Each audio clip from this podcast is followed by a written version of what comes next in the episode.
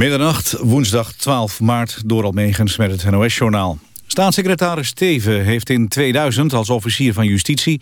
een deal gesloten om meer dan 5 miljoen gulden... van drugscrimineel Kees H. wit te wassen. Dat meldde Nieuwsuur. De Belastingdienst werd niet geïnformeerd. Dat was een onderdeel van de schikking. De procureur-generaal die in de tijd verantwoordelijk was... voor dit soort schikkingen met criminelen... zegt dat hij de deal nooit zou hebben goedgekeurd. In een reactie laat minister te weten dat de schikking conform de toenmalige wet en regelgeving was. En ook volgens Steven zelf is er niets aan de hand. Verschillende fracties in de Tweede Kamer willen opheldering van Opstelten. Oud-minister Els Borst is al op zaterdag 8 februari gedood... twee dagen voordat haar lichaam werd gevonden in de garage van haar woning in Beeldhoven. Dat heeft de politie gezegd in het programma Opsporing Verzocht. De politie zegt nu zeker te weten dat Borst die zaterdag... na een bezoek aan het D66-congres door een misdrijf is omgekomen politie is op zoek naar een vrouw met een rode jas en rode hoofddoek... die op 8 februari rond half acht avonds is gezien in de straat waar Borst woonde. Anderhalve week eerder is bij Borst aangebeld door een oudere, verwarde man in donkere kleding. De politie wil ook weten wie deze man was.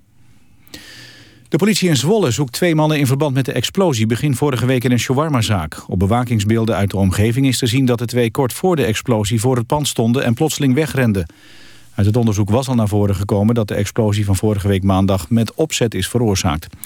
De politie in Zwolle weet niet wat het motief voor de aanslag is geweest. In de Champions League hebben Bayern München en Atletico Madrid zich geplaatst voor de kwartfinales. Bayern speelde thuis gelijk tegen Arsenal. Het werd 1-1 en dat was genoeg na de 2-0 overwinning in de uitwedstrijd. Atletico schakelde AC Milan uit. De Madrilenen wonnen thuis met 4-1. Vorige week werd Milan al met 1-0 verslagen. Het weer vannacht blijft het helder. Er kan wat nevel ontstaan en het koelt af tot tussen 1 en 4 graden. Overdag weer zonnig. Het wordt 14 tot 16 graden. Donderdag weinig verandering. Vanaf vrijdag meer bewolking, koeler en een grotere kans op regen. Dit was het NOS Journaal. Radio 1. VPRO. Nooit meer slapen.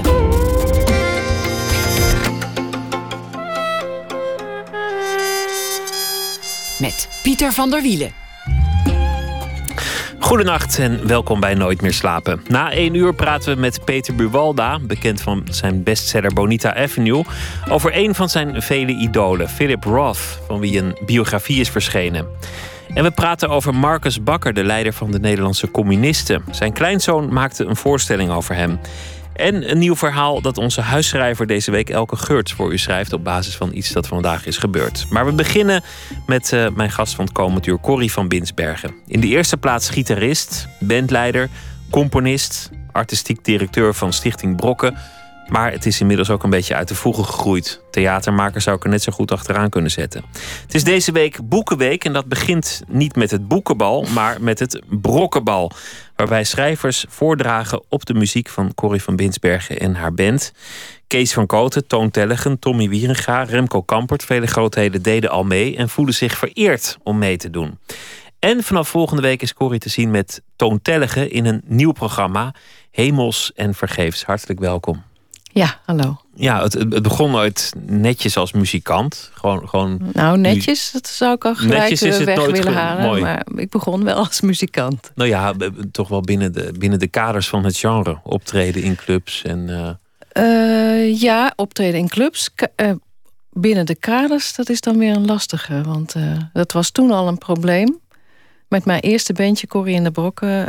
dat probeerde ik dan aan de man te brengen. Hè. Dan ging ik zelf bellen naar die programmeurs. En de ene programmeur vond het uh, uh, ja, te vreemd. Of te, ja. En de andere vond het uh, toch juist te swingend. Dus, dus, dus het paste eigenlijk nooit binnen, binnen Overigens had ik niks te klagen. Want de eerste seizoen hebben we heel veel gespeeld. En toen waren, toen waren er nog heel veel jazzpodia. Veel meer dan nu. Jazzcafés en zo. En, ja. Je hebt, je hebt zo ontzettend veel uh, gedaan en zoveel verschillende dingen. Theater, uh, literatuur, uh, jazz, maar ook, ook klassiek, pop, nou, noem maar op. Dus, dus zo ontzettend veel projecten. Dat het mij verbaasde om te lezen dat je eigenlijk een, een laatbloeier was. Dat het allemaal laat begon. Waar heb je dat gelezen? Ja, ik, ik heb zo mijn, uh, mijn bronnen. Zeg oh. maar. Ja? Wat, uh, Wat, goed. Nou, ik ben, ik ben al heel lang met muziek bezig. Uh, toch echt vanaf mijn zevende al. Dus dat is toch niet zo heel laat. Dat valt wel mee. Maar ik ben heel laat uh, zelf, ik was wel een beetje eigenwijs, altijd al wel. En ik speelde met van alles mee. En, maar daar had ik dan weer mening over. En, uh, en toen ik 27 was, toen heb ik pas gedacht van misschien moet ik zelf maar eens. Uh, iets gaan doen. Iets, ja, iets gaan doen. En een band opzetten, een eigen band. Bijna 30, dus dat is misschien wel zo'n moment dat je denkt. Het was zo'n schrikmoment, ja, 27. Echt, echt letterlijk op mijn verjaardag dat ik dacht van. Oh, over drie jaar ben ik 30. Uh, en ik zit hier mijn leven te verkwanselen met talenten. Je, ja, je bent toch zo opgevoed, tenminste, ik ben toch wel zo opgevoed dat je de talenten moet benutten. Het beste uit jezelf halen. Ja, ja. Het is, en, uh, nou ja, dat, dat, in die zin is het wel, dat klopt het wel, die laadbloeier. Ja. En in die zin ook, ook van je um, zwakte misschien je, je kracht maken, als, als het een zwakte was, namelijk niet echt kunnen kiezen. Je, je had ook een, een pad kunnen kiezen waarbij je voor één ding kiest. Zeg jazzgitaar. En je daarin bekwamen en perfectioneren en net zo lang doorgaan in precies dat ene hoekje. Ja. Maar dat leek op de een of andere manier helemaal niet, niet interessant ook. Nee, dat heb ik ook nooit. Uh, sterker nog, ik vind het dan gauw uh, niet interessant. En trouwens, jazzgitaar, ik heb een klassieke opleiding. Dus uh, Ook nog eens, in, die, ja. in die tijd was, was nog niet eens, je kon geen jazz studeren. In die tijd vond ik jazz trouwens niet leuk. Tenminste, dat dacht ik, dat ik dat niet leuk vond. Want ik had daar een bepaald idee bij dat, uh, dat er van de Jube en Lionel Hampton of zo. En dat vond ik echt helemaal niet leuk. Maar stiekem draaide ik trouwens wel Jacob Storius en Wayne Shorter. Die deed allemaal natuurlijk mee met Joni Mitchell, die ik dan weer heel mooi vond. Uh, en uh, geweldig. En Art Ensemble of Chicago, die. Oh ja? Die, die, ja, die zaten ook altijd vrolijk. met die, met Lester, Lester Bowie. Dat was hele ja, dat experimentele gewoon, muziek. Ja, maar heel gezellig was dat of zo. Ja, dat is een beetje raar. Dat, maar ik vond dat fijn. Ja. Oh ja, dat is, dat is volgens mij muziek die je, die je live moet hebben gezien om, om, het, om het helemaal te begrijpen. ik heb eens zo'n cd, dan, dan, dan gaat alles door elkaar. En dan, en dan staat er op het hoesje, sorry, dat de opname wat krakerig is. Ik denk, nou ja, dat ja. kan er nog wel bij. Ja, ja, ja.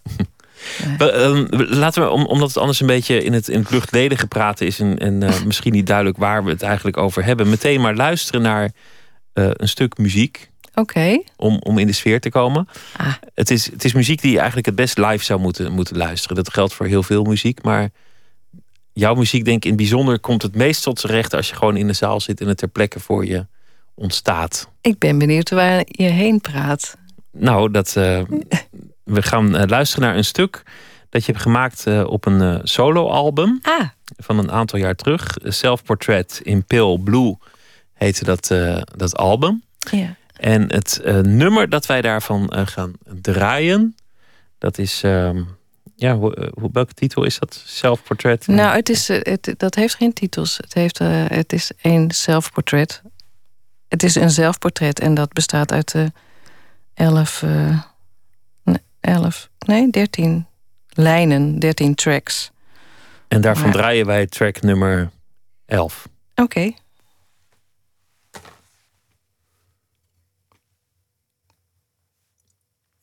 duurt eventjes. Kijk, daar is die.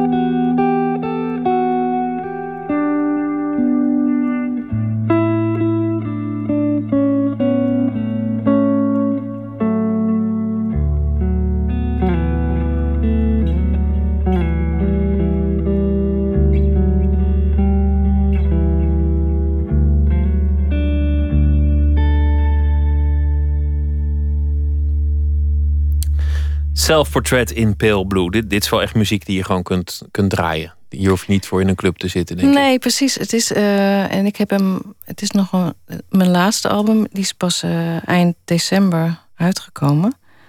Uh, en ik had mezelf de opdracht gegeven om, om zo min mogelijk noten te spelen. En ook dat het een. Ja, je zit dan anderhalve dag in de studio en er komen ook allerlei andere dingen uit. Maar ik heb toch gekozen om vooral een hele soort rustige. Uh, vandaar ook self-portrait in pale blue.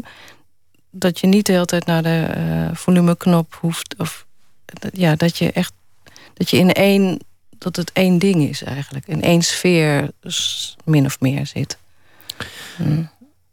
Laten we het hebben over, over de, de projecten. Want ze, ze zijn elkaar uh, razendsnel opgevolgd. Het is alweer de elfde editie geweest vorige week, het, het uh, Brokkenbal. Ja, met schrijvers in concert, ja. Uh, hoe is dat begonnen? Want het, het, idee is dat jullie muziek componeren op iemands literatuur. Een, een schrijver die komt en die, die draagt voor. Dat, dat gebeurt al heel veel op literaire avonden.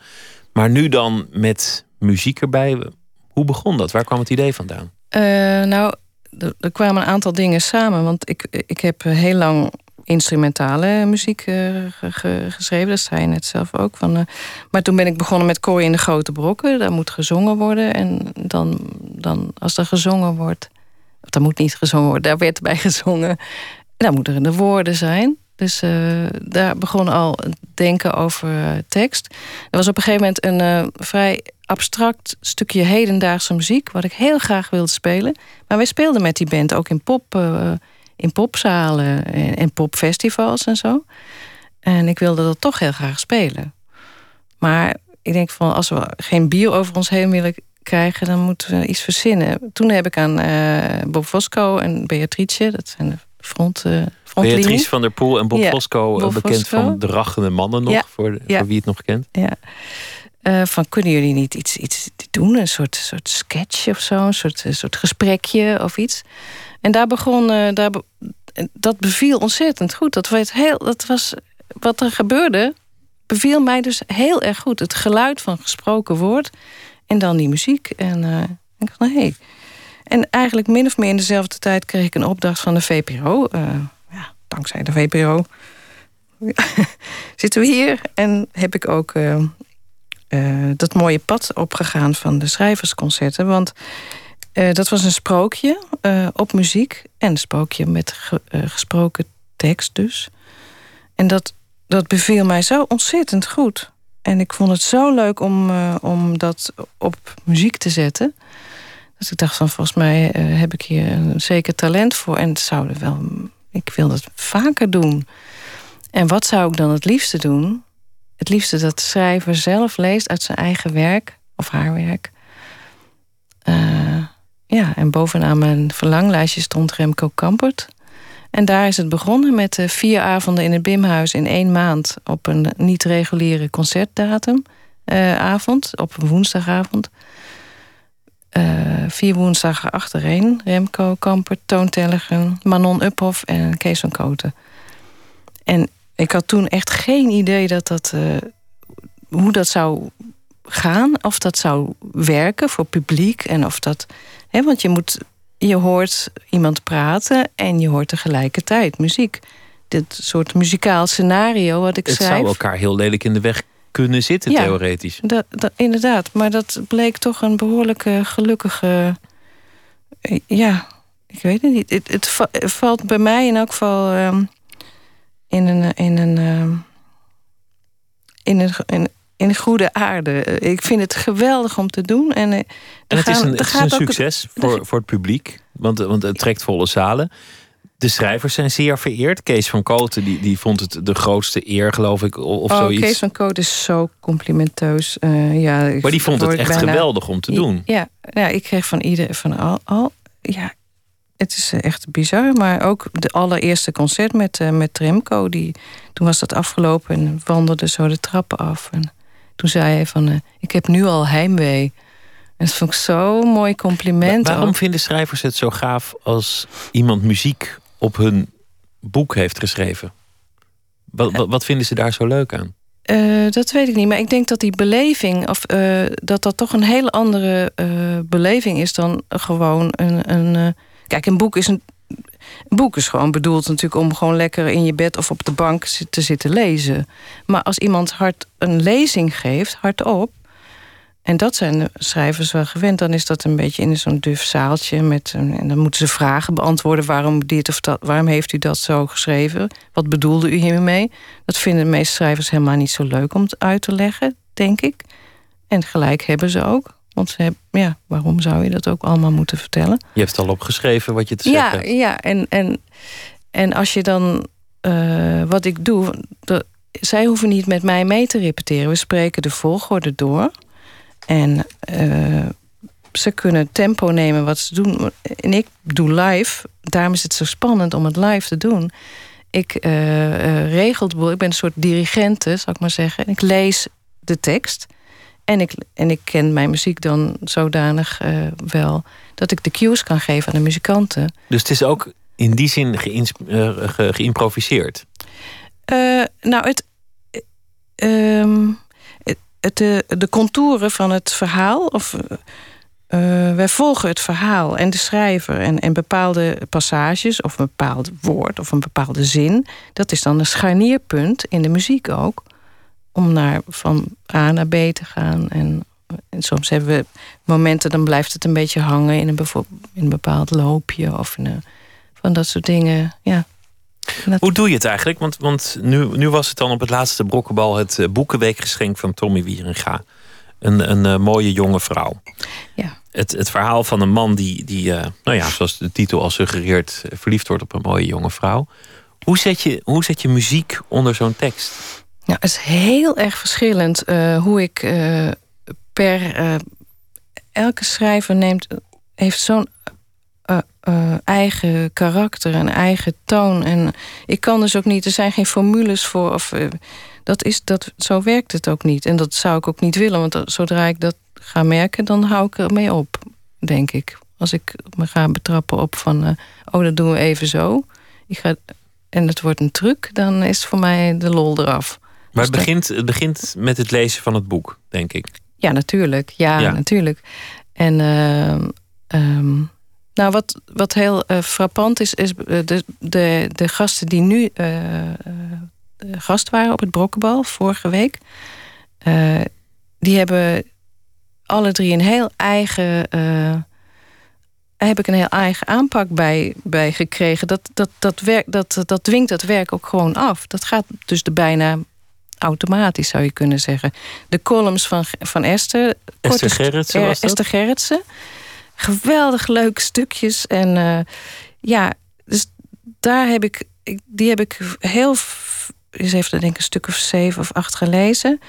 Um, en sommige dacht ik ook van, het is mooi als zij gewoon in de eentje dat leest, toch? Dat het om en om is. En dat we echt van wap erin springen uh, bij een zin. Of, of ergens, ja, ergens in een passage. En dat was dus echt van meer van... Uh, uh, echt een stelling, na, stelling van haar en van ons, van de band. En dan hebben we met Anne Vechter, ja, dat is een heel, spe, heel speciale wereld waar je dan instapt met haar poëzie. Heel apart, echt. Echt heel. Moeder, heel moeilijker erg gedichten eigen. zijn dat. Ja, dat is toch. Uh, ook heel abstract eigenlijk. En ik heb dan gekozen met haar gedichten om, om, om uh, te werken met Albers van Veenendaal, pianist met, met wie ik heel graag werk. En met wie ik ook het programma met Toon Tellegen, het poëzieprogramma, ga doen. En die, uh, die, die prepareert de vleugel. En daar maakt hij fantastische geluiden mee. Een beetje gamelan-achtig klinkt het soms. Of ja, dat is heel, ja, heel anders. En dus heb ik met Anne Vechter en met al, alleen maar afgesproken met Albert van... oké, jij, jij vult er hierin een, een, paar noten, een paar akkoorden gegeven. En dat was het materiaal waar we mee werkten. En uh, ik speel hier, jij speelt daar. Hier spelen we samen. Daar moet iets ritmisch onder. En... Ja, dit moet van iets ver weg komen. Iets, ik, de blazers hebben nog in de trapgat staan spelen. Ik weet niet of je dat nog hebt meegekregen. Ik, moet, ik moest iets eerder weg om op tijd ah, ja. nou, hoe, bij mijn, oh, ja. bij mijn programmaatje te zijn. Ja. Hier, ja. Nou, hoe dan ook. ik bedoel, dan, dan ga ik heel intuïtief te werk. En, ehm, en met Tommy Wieringa, dat was een heel puzzel. Want ja, die man die, uh, die is. Uh, die, ja, die vorm, dat zit helemaal gebeiteld. En dat boekje, dat is natuurlijk veel te lang om het hele boekje te doen. Dat kan niet. Uh, welke passages gaan we dan doen? Hoe kunnen we een, op zo'n avond in drie kwartier... dat, dat, dat er toch een, een verhaal wat op zich kan staan, verteld wordt.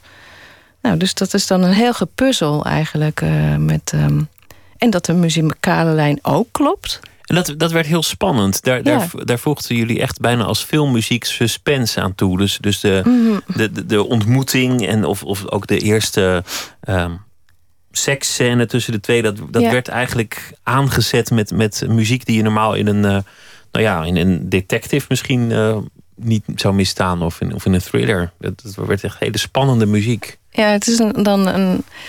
Vooral als dan zo'n lange verhaal, dan is het. Uh, dan probeer ik een film voor de oren te maken. Dat is eigenlijk. En dat is denk ik ook waarom die schrijvers dat zo graag doen. Is dat zich dat ontrolt, daar gebeurt iets. Dat heeft zo'n concentratie, zo'n concert. Voor, voor de lezer, hè, de, degene die, de, schrijver die genodigd is en zijn verhaal leest. Uh, voor ons, uh, om dat te volgen.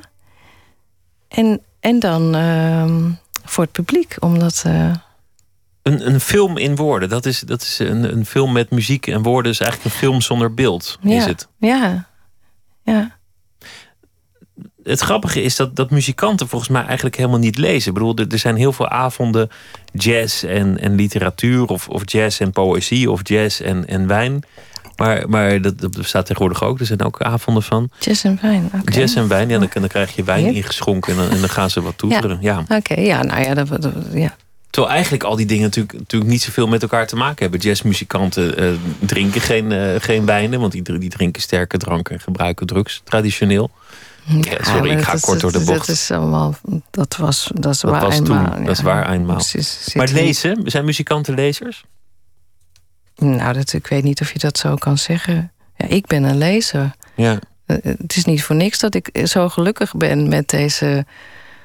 met dat dit op mijn pad is gekomen. Het, is, het klopt helemaal op een of andere manier, denk ik. Je, je was al een lezer vroeger? Ik wa, ja, ik was een lezer. Ik heb twee. Uh, muziek en, en literatuur zijn mijn. Dit is de redding van mijn leven. Anders had ik al lang in de goot gelegen. Dat is echt waar. En uh, literatuur is ook een vorm uh, van. je kan je daar ook in vluchten, als het ware. In een bepaalde periode was ik niet zo gezond bezig. nou, best. Ja, er, erg, zou ik maar zeggen. En dan had ik toch na een aantal dagen dacht ik van nou, doe ik, de, ik doe niet meer open. Ik ga niet weg. Ik ga niet meer met die en die op pad en zoek het maar uit. Ik, ik lees een boek. Echt waar. En dat is uh, heel fijn. Ja, en ja. Was, was dat ook waarom, waarom het je leven redde? Of, of, of ging dat verder? Het klinkt heel dramatisch, maar het is toch oh, waar. Ja, ja, maar, ging dat verder? Hoe bedoel je? Nou, was dat alleen een, een boek redde mijn leven omdat ik dan een avond niet, niet uitging? Of de literatuur redde mijn leven, want dan, dan ging ik een keer niet uit? Of, of was het ook dat het, dat het een bepaalde manier richting gaf? Of, uh, nee, dat is, ik heb niet een boek gelezen. Wat, nee, dat is het boek. Het boek. Nee, nee dat maar, was niet. Maar, maar de literatuur, ik vind, ik vind het wel mooi. Als je zegt muziek, zonder muziek en, en literatuur zou ik al lang in, in de goot liggen. Ja. Ik denk dat dat voor heel veel mensen op, op een bepaalde manier geldt. Dat, dat, ze, dat ze zonder een bepaalde manier van uh, verheffing of inspiratie aan lager wal zouden raken. Maar hoe ging dat? Ja, nou, ik weet niet hoe dat ging, maar in elk geval is dat zo. Zo is het gewoon.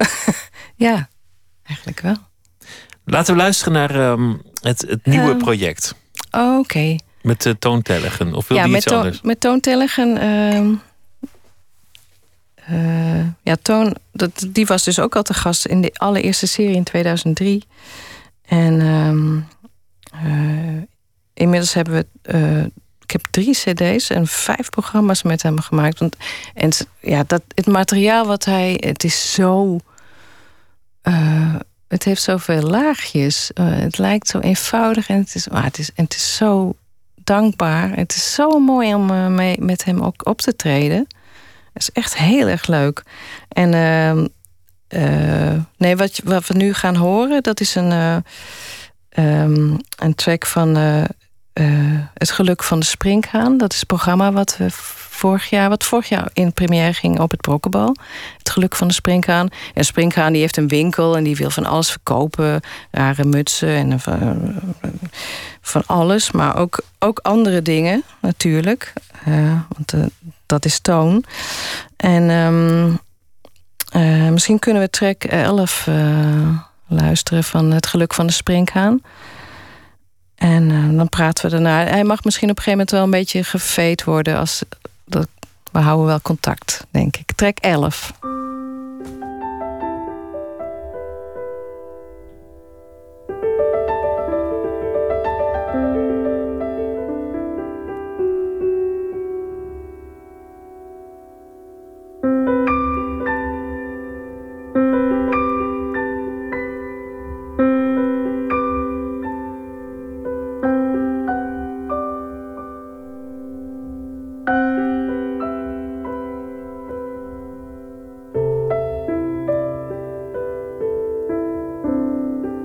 De springhaan verkocht ook verdriet.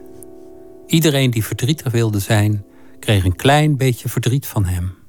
Of weemoed, of heimwee naar vroeger. Hij verkocht het allemaal, maar nooit veel tegelijk.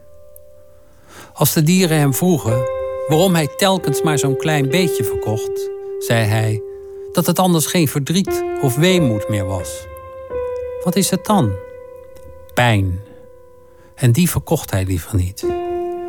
Hij was altijd bang dat iemand pijn zou kopen en aan iemand anders cadeau zou doen. Hm, ik heb iets voor je meegebracht, alsjeblieft. Wat aardig van je, dank je wel. Wat is het?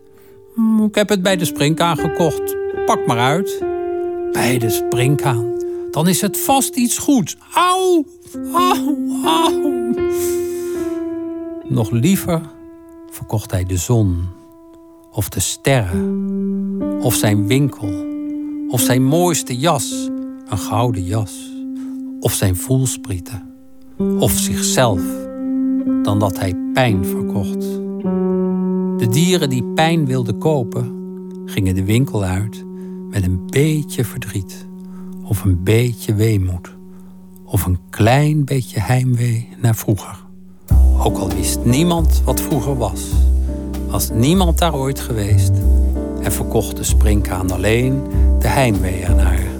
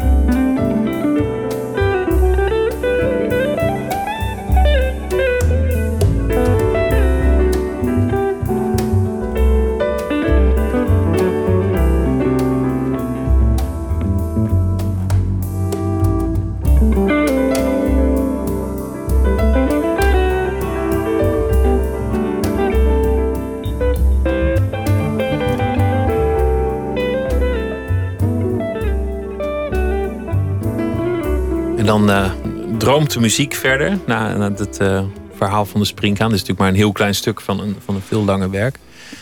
Toon en jij, dat is echt heel hecht geworden. Jullie, jullie zijn echt heel, heel hecht gaan samenwerken. Dat is niet bij zo'n avond gebleven eigenlijk. Nee, absoluut niet. Nee, nee het is. Uh, Toon heeft wel eens bekend, las ik in de krant notabene. Vorig jaar in de Volkskrant stond een uh, groot artikel... Uh, naar de aanleiding van het tienjarig jubileum van die schrijversconcerten. En toen hadden ze dus ook Kees van Kooten en Tomezen... en ook uh, Toon kort geïnterviewd. en zei hij van... ja, ik was waarschijnlijk wel eerder opgehouden met die dierenverhalen... maar ik vind het zo fijn om te spelen met het wisselend toonquintet... En dat, ja, zo heet het, uh, ons bandje. Dat, uh, ja, dat die gewoon daarmee doorgaat. En liefst zo lang als het maar kan. dus, uh, nou, dat is, dat is toch een geweldig compliment. Ja, maar het, het, is ook echt zo. Het is zo... Ja, ik zei het net al. Het is geweldig om... het is een hele leuke, hele leuke groep. En, en het is fantastisch materiaal. En ik vind het wel ook heel erg leuk om nu een keer uh, poëzieprogramma te gaan doen. Uh, Hemels en Vergeefs heet het. En het gaat 20 april gaat het in première. En dat is, dat is ook weer samen met, met uh, Toon, maar dan zijn het gedichten dit keer, dus niet, niet ja. zo'n verhaal. Nee. Weer gewoon van muziek uh, voorzien, maar, maar ook met een theatraal element. Dat, nou, ja, poëzie, het, het, dat, dat wordt toch een andere, nou, een andere toon. Ja, dat is geen grapje, maar dat is, wordt echt een andere toon dan, deze dier, dan die dierenverhalen. Zeker dit uh, Geluk van de Springhaan. Uh, dat is een programma wat ook voor families uh, geschikt is. De poëzie, dat, dat gaat dat, gaat op een, dat wordt abstracter en dat wordt anders. En ook met Albert van Veenendaal. Uh, dus, de pianist? De pianist, die hoorde je net in het begin van het verhaaltje ook eventjes. Weliswaar niet ge, geprepareerd, maar... Uh, gewoon, gewoon optoetsen op met... Een gewone, op gewone vleugel, ja. Heel fijne muzikant, ja. Maar ik wil de anderen ook niet tekort doen. Want alle, die hele, dat hele groep, Ellen Purvis, Hein Offermans, Joost Buis... Het is een hecht clubje. Het wisselend toonquintet met toon, ja. Ik ben er heel blij mee. Kijk je alles om eigenlijk? Want, want inmiddels zoveel projecten gedaan. En, en dan, weer, dan weer op tour met het een. En dan weer een, een album met het ander. En weer, een, weer een, nou ja, ook af en toe iets met, met uh, popmuzikanten. Een, een, gewoon een ouderwets een beentje. Hmm. Um, intussen is er ook veel veranderd in je, in je eigen leven. Je bent weg uit, uh, uit de stad. Ja. Gaan, gaan wonen in, in de provincie. Er zijn, er zijn kinderen, dus dan krijg je ook andere sferen in huis. Eentje. Uh, eentje, één kind. Ja. Andere sfeer in huis. Misschien, ik weet niet, ben je ook andere muziek gaan draaien of, of minder muziek gaan draaien? Of, uh, ik kan me voorstellen dat, dat het heel veel verandert. Maar kijk je inmiddels al om met verbazing van... wat is me eigenlijk allemaal gebeurd in die, in die loopbaan? Of raas je voort? Of, of de, ga ik voort? Ik ga, zei je dat? Raas je voort, Raas ik. ik voort. Raas ik, nou, razen... Maar ik ga wel heel erg door, ja. Uh, dat razen, dat is wat... is misschien iets minder, alhoewel inderdaad alles door elkaar gaat. Omdat ik ook uh, zelf de regelneef ben van die hele brokkentoko, zou ik maar zeggen. Dus dat gaat allemaal wel door elkaar. Dus in de periode dat je speelt met het een... ben je uh, aan het regelen voor het volgende seizoen. En nu is bijvoorbeeld een belachelijk drukke tijd omdat al die theaters, die, die willen hun brochure netjes hebben. Die willen dan uh, een goed verhaaltje bij wat je dan weer uh, daar gaat doen. Terwijl dat dan nog eigenlijk allemaal gemaakt moet worden, als het ware. Je hebt het plan wel en het idee, maar dan, hè, je, je kan pas eigenlijk een goed verhaal... Je kan het beste verhaal vertellen als je het al gedaan hebt, natuurlijk. Nou ja, het, wat het, het, wonderlijke is, je, je zei aan het begin van... nou ja, tot mijn 27ste was, was ik zoekende. En toen ineens dacht ik, nou, nu moet het wel gaan Ja. gebeuren. Want, want anders ben ik 30 en heb ik nog niks gedaan. Ja, nou, dat is uh, gebeurd en het is ook nooit meer opgehouden. En dat is ook niet meer opgehouden. Nee. En, en je zei op een gegeven moment ook van ja, er was een tijd dat ik zo onrustig was. Dat het ten koste van mezelf ging. Maar toen heeft de muziek en de literatuur mij op de been gehouden. Heeft, heeft mij gered, Ja. eigenlijk. Ja. Um, nou ja, het is, intussen is die ruster, is, is uh, het kind en, en, en, en, een huis. Nou, het kind is uh, het huis al een tijdje uit hoor. Het kind en, is het huis al uit en zo hard gaat het, ja. Ja. Maar wat, wat ik me eigenlijk afvroeg is, um, al die projecten, heeft dat, heeft dat een soort basis? Of, of gebeurt het je gewoon? Nou, het een komt uit het ander voort. Het is een soort uh, natuurlijke ontwikkeling wat heel, heel prettig is.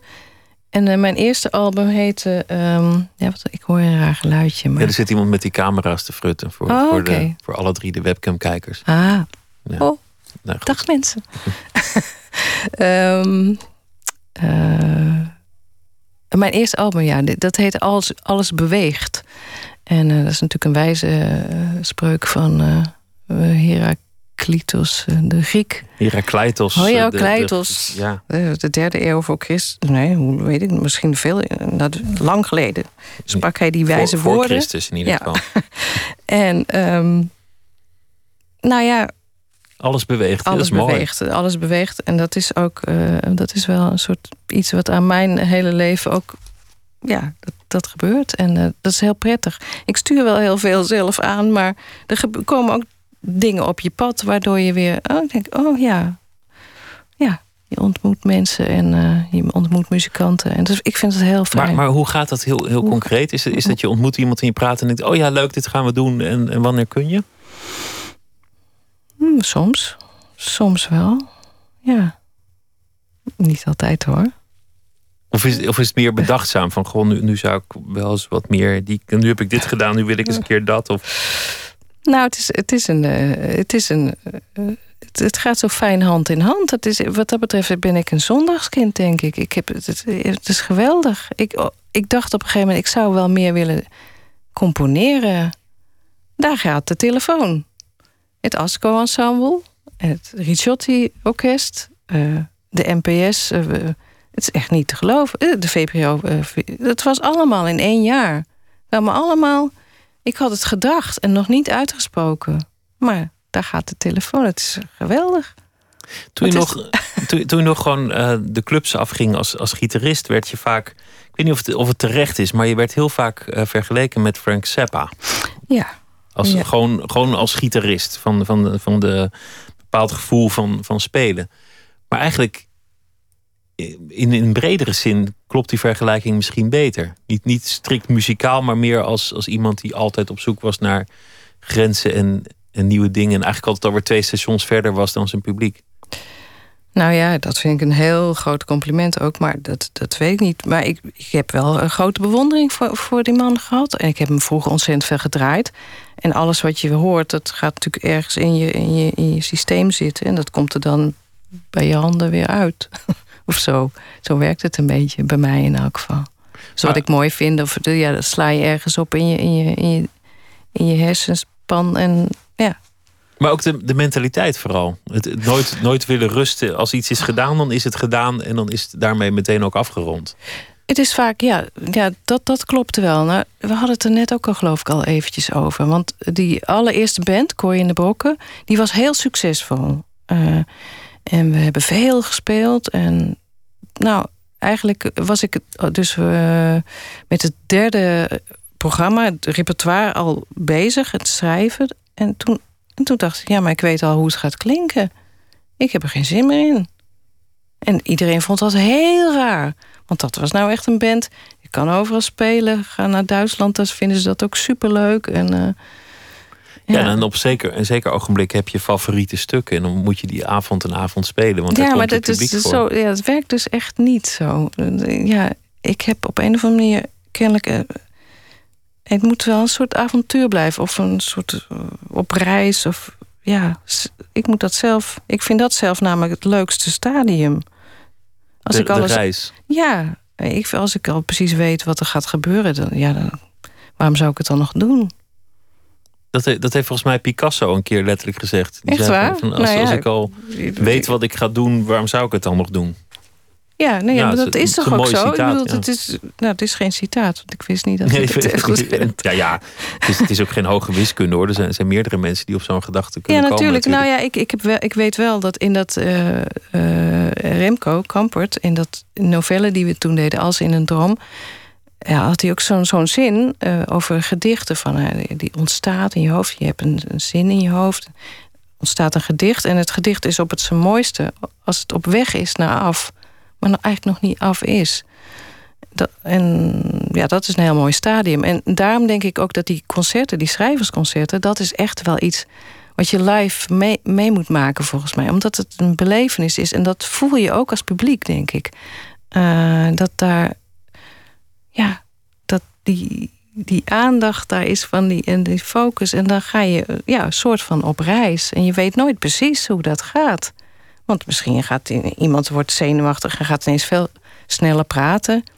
Misschien gaat iemand te veel drinken. En Verspreekt zich, moet, moet hoesten. Moet hoesten. En, uh, ja. ja. Ja, maar er zijn allemaal elementen die live... Ik hou daarvan. Ik vind dat fijn.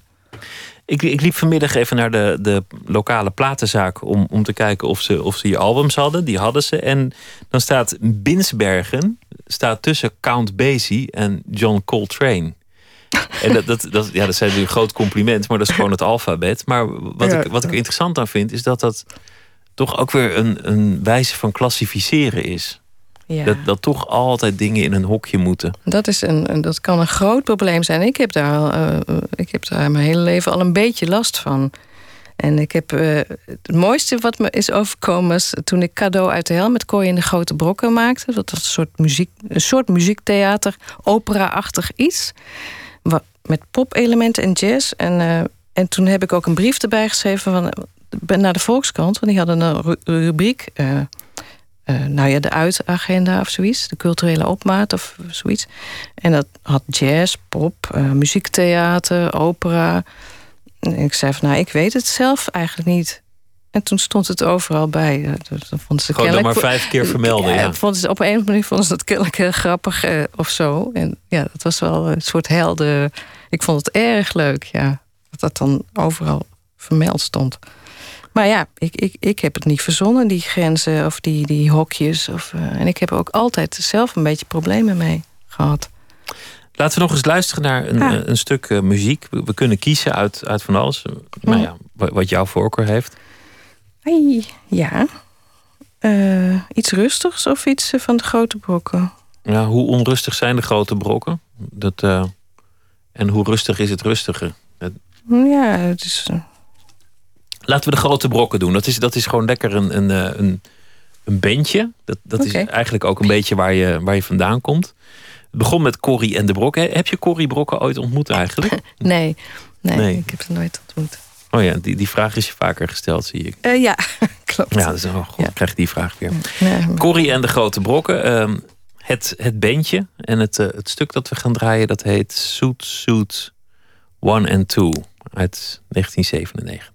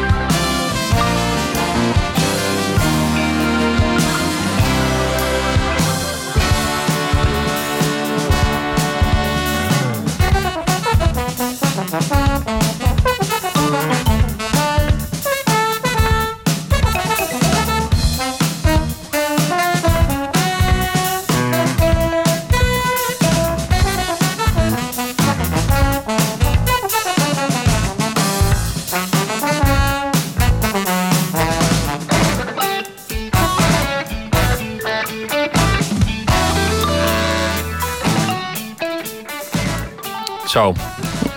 Corrie en de grote brokken, Soet Soet 1 en 2. Het wijkt wat af van het gebruikelijke muziekprofiel van, van, van deze zender. Maar dat uh, hoeft ook niet op slag dodelijk te zijn natuurlijk. dit, is, uh, dit is nog mooi in een, in een, in een studio opgenomen. Dat, dat vroeg ik me nog af. Er verandert natuurlijk heel veel in de muziek op dit moment. Omdat de cd-verkoop is, uh, is helemaal ingedonderd. Dus mensen moeten muziek weer live gaan maken om, om uh, aan de bak te komen als muzikant. Het opnemen is veel makkelijker geworden, want dat doe je tegenwoordig op een harde schijf uh, ja. thuis. Ja, maar ja, maar ja, wij hadden met Corrie en Brokken maar heel, heel, heel beperkt budget. Dus we hebben dat ook. We hebben niet uh, maandenlang zitten punniken hoor. We hadden anderhalve dag en daar moest het in gebeuren. En dit is gewoon tegelijkertijd. We staan allemaal tegelijkertijd spelen. Het is niet, een, het is niet zo chic dat niet, niet, niet van, op, op, op, elk triangeltje nee, nee, absoluut gestudeerd niet. en van, van, hier komt nee, nee, nee. Maar en, en het, dat gepunnik thuis... Want uh, ja, we hadden het net ook eventjes over die, die, dat zelfportret in Pale Blue. Dat is, uh, nou, dat is ook weer zo'n iets wat ontstaan is. Het is op mijn pad gekomen. Ik had iets anders gepland in een studio. Dus ik had studio gereserveerd uh, voor een trio. Maar dat, nou, wij vonden ons toch nog niet nee, dat was het toch nog niet helemaal. En uh, toen zei Albert, dus die al eerder te sprake kwam, Albert zei van, kun, volgens mij moet je een solo uh, CD maken. Eerst dacht ik nog van, nou nee, dat, wat moet, ik weet niet, wat moet ik dan doen? En, maar toen dacht ik, ja nee, laat ik dat toch doen. En dan gewoon daar gaan zitten en dan in de Do the Blue echt helemaal on, onvoorbereid eigenlijk gaan zitten en kijken waar ik sta. Een zelfportret maken eigenlijk. Zelfportret in pale blue was dat. Ja. En de, uh, um, dat heeft dan toch ook een soort kwaliteit die je. Dat is, dat is fijn. Live is altijd. Ik vind dit ook fijn. Om hier nu te zitten met jou te praten. En je kan wel van alles bedenken van tevoren. Maar, maar het gaat om het moment is, dat is zoiets. Muziek, muziek live is toch gewoon eh, leuker dan, dan opgenomen muziek. En, uh... Ja, en dat zelfportret is natuurlijk opgenomen in de studio. Maar die, die, die, die tape ging, dat rode lampje ging branden. En dat is toch anders dan dat ik thuis zou zitten. Of dat ik de. Hè, ik heb zelf die mogelijkheden niet, nog niet. Of, maar ik zou dat makkelijk kunnen realiseren, weet je wel. En dan kan je eeuwig doorpunniken. Maar dan is het ook geen zelfportret meer, denk ik. Eh, dat toen schilders... Eh, Picasso riep je net. Ja, nou, die zal dat ook niet doen. Je moet dat toch een beetje in één keer Met doen. Met een beetje vaart erop. En, en, muziek horen in een club is toch het leukste. Ook omdat je tegenwoordig wordt je vergiftigd met muziek in de supermarkt en, uh, en in, in de lift. En dan overal muziek als een soort behangetje waar niemand meer naar luistert. En het mag ook vooral niet storen. Dus het moet helemaal gesteriliseerde, ja. gesteriliseerde muziek zijn. En muziek beleven, dat er gewoon ervoor gaan zitten en, en dat in een club, dat is het gaafste. En dan zeker als er nog literatuur bij komt ook. Dus ik, uh, ik noem nog even de titel van, van uh, de, de voorstelling. Dat is uh, Hemels en. Ik had het, even, ik had het opgeschreven. Hemels, Hemels en, en, vergeefs. vergeefs. Samen met Toon Tellegen. Binnenkort te zien bij u in de buurt. Dank dat je te gast wilde zijn, Corrie van Binsbergen. En heel veel succes met, met de tournee. Dank je wel. En uh, leuk dat je hier uh, wilde zijn. Begin februari won hij het Nederlands kampioenschap Poetry Slam. En in april komt de debuutbundel uit van dichter Daniel Vis. Wij vroegen hem wat hem uh, s'nachts bezighoudt als de slaap niet wil komen. Nou, dat was de muziek van The Velvet Underground. Uh, mijn inspiratie begon is het uh, gehele oeuvre van uh, The Velvet Underground. Ja, daar is, dat is muziek waar een soort sfeer uit opstijgt... die, die ik ook opzoek in mijn, in mijn gedichten. Niet, niet als een soort imitatie van, maar omdat het me op een bepaalde manier... raakt en aan het denken zet. En de teksten ook een, een soort lagen bevatten die, heel, die voor mij heel interessant zijn om te benaderen in hoe ik schrijf.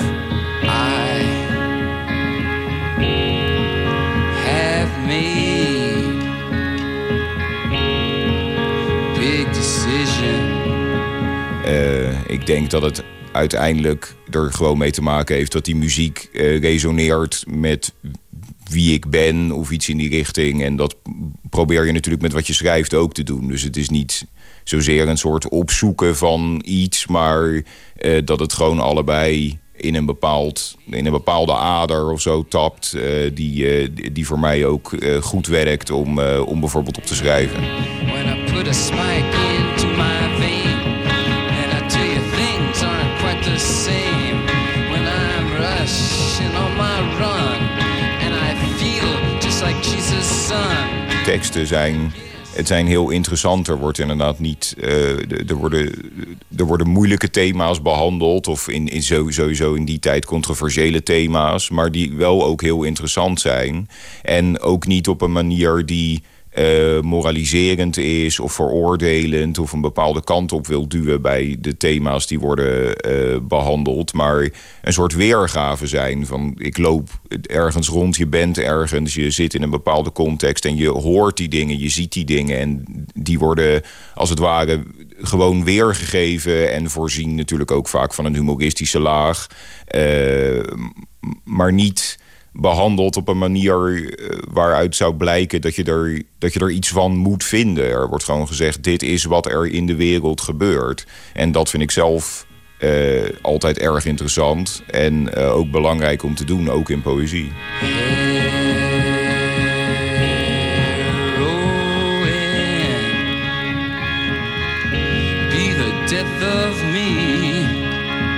Uh, nou, ik ben ze op het spoor gekomen via uh, hun bekende nummer Sunday Morning. dat komt van het debuutalbum, wat misschien eigenlijk ook wel het allerbeste album is dat ze hebben gemaakt.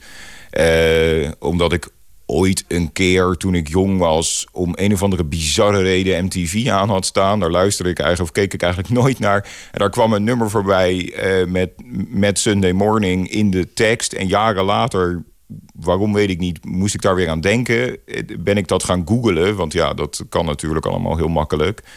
En uh, toen kwam ik de Velvet Underground tegen. Bleek dat dat trouwens niet het nummer was wat ik destijds gehoord had. Want dat was Easy Like Sunday Morning van totaal iemand anders. Heel andere soort muziek.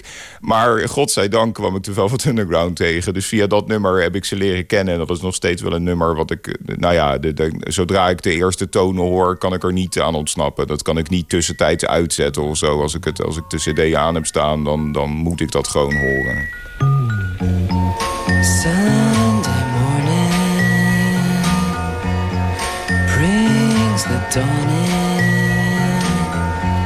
Nou ja, geheel in lijn met het programma. Uh, het is de echte nachtmuziek, denk ik. Uh, dat heeft Lou Reed ook zelf op die manier een keer in een interview gezegd. Het, het, klinkt, of het, hij wilde dat het klonk alsof er iemand om drie uur s'nachts bij wijze van spreken in je oor die muziek fluistert. Hoewel het soms hele harde muziek is, blijft er toch een soort hele intieme sfeer uh, overeind staan.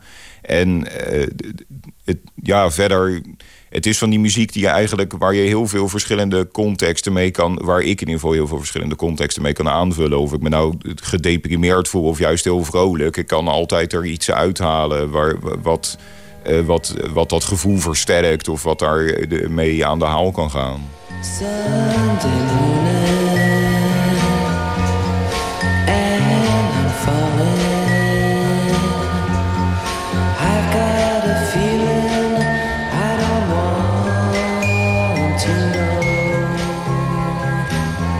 Uh, er zijn nachten geweest waarbij dit inderdaad uh, gewoon CD naar CD. Uh, ik heb de hele verzamelbox met alle demo's er ook bij en zo. Dus je kunt, ik kan uren luisteren. En er zijn nachten geweest waarin ik dat ook wel gedaan heb. Ja. Zelfs de manier waarop ik voordraag is er denk ik ook wel een beetje door beïnvloed. Een beetje dat deadpan-achtige zingen van Lou Reed. Waarbij er heel weinig echte duidelijke geëmotioneerdheid in de stem zit. En waarbij het allemaal heel erg ja, droog wordt gebracht. Dat, dat ik merk dat ik dat zelf ook doe uh, in mijn voordrachten. Maar dat is niet een dat is niet expres opgezocht. Dat is denk ik gewoon een soort ja, iets wat, wat dan toevallig bij elkaar samenvalt. It's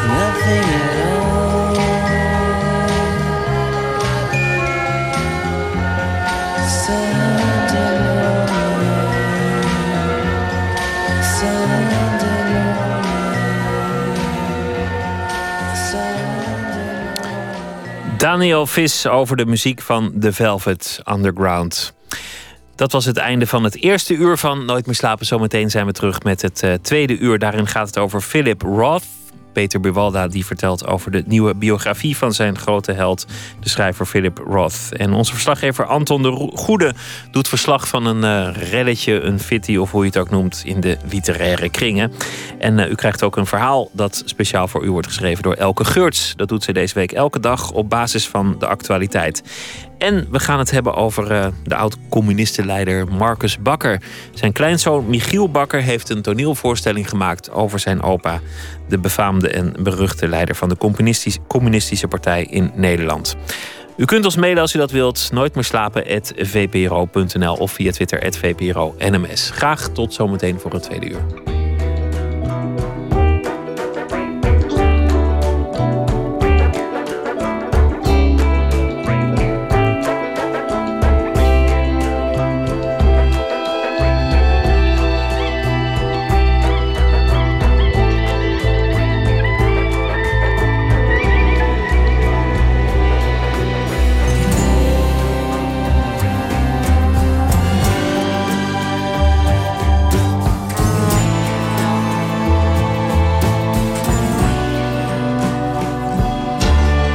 Radio 1. Het nieuws van alle kanten.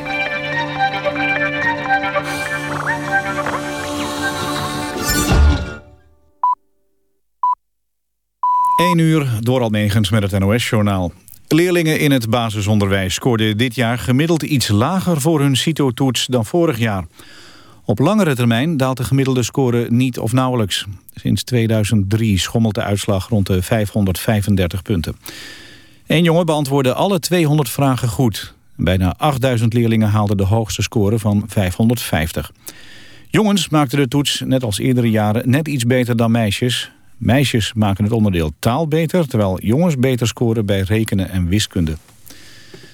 Oud-minister Els Borst is al op zaterdag 8 februari gedood. Twee dagen voordat haar lichaam werd gevonden in de garage van haar woning in Beeldhoven. Dat heeft de politie gezegd in het programma Opsporing Verzocht. De politie zegt nu zeker te weten dat Borst die zaterdag na een bezoek aan het D66-congres door een misdrijf is omgekomen. De politie is op zoek naar een vrouw met een rode jas en een rode hoofddoek... die op 8 februari rond half acht s'avonds is gezien in de straat waar Borst woonde. Anderhalve week eerder is bij Borst aangebeld door een oudere, verwarde man in donkere kleding. De politie wil ook weten wie deze man was. Staatssecretaris Steven heeft in 2000 als officier van justitie een deal gesloten om meer dan 5 miljoen gulden van drugscrimineel Kees H. wit te wassen. Dat meldde Nieuwsuur. De Belastingdienst werd niet geïnformeerd. Dat was onderdeel van de schikking. De procureur-generaal, die in de tijd verantwoordelijk was voor dit soort schikkingen met criminelen, zegt dat hij de deal nooit zou hebben goedgekeurd. In een reactie laat minister Opstel te weten dat de schikking conform de toenmalige wet en regelgeving was. Volgens Teven zelf zijn er 14 jaar geleden ook al Kamervragen gesteld. Toen was de conclusie dat er niks aan de hand was. Dat is volgens hem nog steeds zo.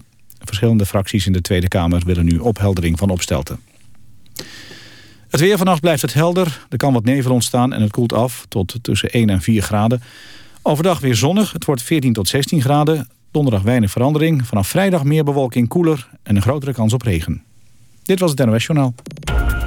Radio 1. VPRO. Nooit meer slapen.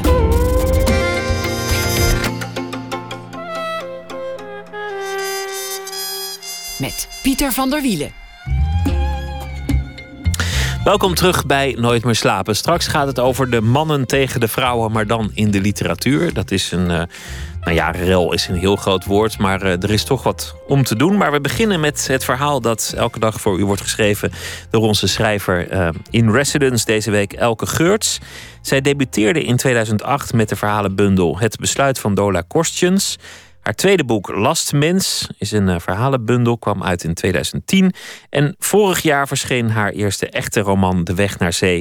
Ik heb haar nu aan de telefoon. Elke, goeie nacht. Goeienacht, Pieter. Uh, elke dag een verhaal. Uh, je bent eraan begonnen. Vandaag de tweede. Ja. Waar, waar, ga je, waar ga je het over hebben? Nou, ik las vanmorgen in, in de Volkskrant over uh, de fraude bij de uitslag van de CITO-toets.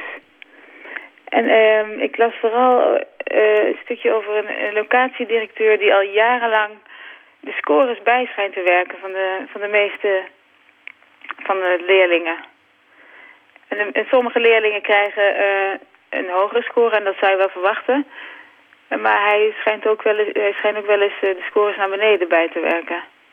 Dus ik vroeg me af waarom zou iemand dat doen. Stond dat er niet bij in het stuk waar, waarom hij dat deed? Nee. Maar dat, dat laatste vooral, kijk, dat, dat je iemand matst, dat is misschien om, om ook je eigen blazoen op te poetsen. Dan heb je gewoon slecht onderwijs gegeven. Wil je toch je school er goed uit laten komen? Ja, dan geef je iedereen een puntje erbij. Ja. Daar kan ik me wel iets bij voorstellen. Maar dat je dan ook bepaalde mensen slechtere scoren geeft, dat is natuurlijk in en in gemeen. Zeker als het gaat over een twaalfjarige. Ja, precies. Nou ja, ja, precies. Voor alle leeftijden is het, is het nogal gemeen. Maar uh, uh, ja, dat snap ik gewoon niet waarom, waarom iemand dat doet. Je, je kijkt dat mensen het allemaal bijgummen, dat snap je wel. Naar boven toe, voor hun eigen school en hun eigen hachje. Nou ja, dan, dan heeft hij gewoon de pik op een van zijn leerlingen. Ja. En die is hem dan te slim af. En dan denkt hij, nou weet je wat, aan het eind van het jaar ga ik jou, jouw CITO-score omlaag ja. vormen. Ja, dat is macht gewoon. Macht. Ja, maar Ja. Het, is ook, het is ook gruwelijk machtsmisbruik. En dan, en dan ben je pas twaalf, dan moet het allemaal nog beginnen. En dan heb je dit al achter de kiezen. Ja, precies. En Hmm. daar heb ik, uh, heb ik iets over geschreven vandaag. Nou, ik, ik uh, kan niet wachten. Laat horen. en het heet uh, Een gummetje is zo gepakt. In de klas met twaalf verwende meisjes die hoog moesten scoren van hun ouders... was er een dertiende die nooit verwend werd... en die ook niet hoog hoefde te scoren... maar dat per ongeluk wel deed. Ver boven haar eigenlijke niveau, concludeerde meester William. Veel te ver. Het was de kleine Jacquelientje van de koeienboerderij. De een na jongste van een hele trits kinderen. Het meisje met de donkere kringen rond haar ogen en de eeuwige mestgeur in haar kleren. Degene die nooit werd uitgenodigd op verjaardagsfeestjes. In de wereld was er niemand die haar een handje hielp. Dus deed meester William dat. Jacquelientje was volgens hem meer het verzorgende type. Op het voortgezet wetenschappelijk onderwijs zou het meisje steeds op haar tenen moeten lopen. In dat grote gebouwencomplex in de stad zou ze verdwalen. Nee, ze hoorde thuis op de school naast de zijne. Iemand moest voorkomen dat zo'n kind aan haar ijver ten onder ging. Door het raam zag meester William Jacquelientje zitten, op haar hurken voor haar rugzakbroertje. De manier waarop ze zijn jasje dichtknoopte en hem daarna kort over zijn bol streek, trof hem elke dag opnieuw. Alleen zo iemand mocht hem later in het verpleegtehuis in zijn kleren helpen of desnoods eruit.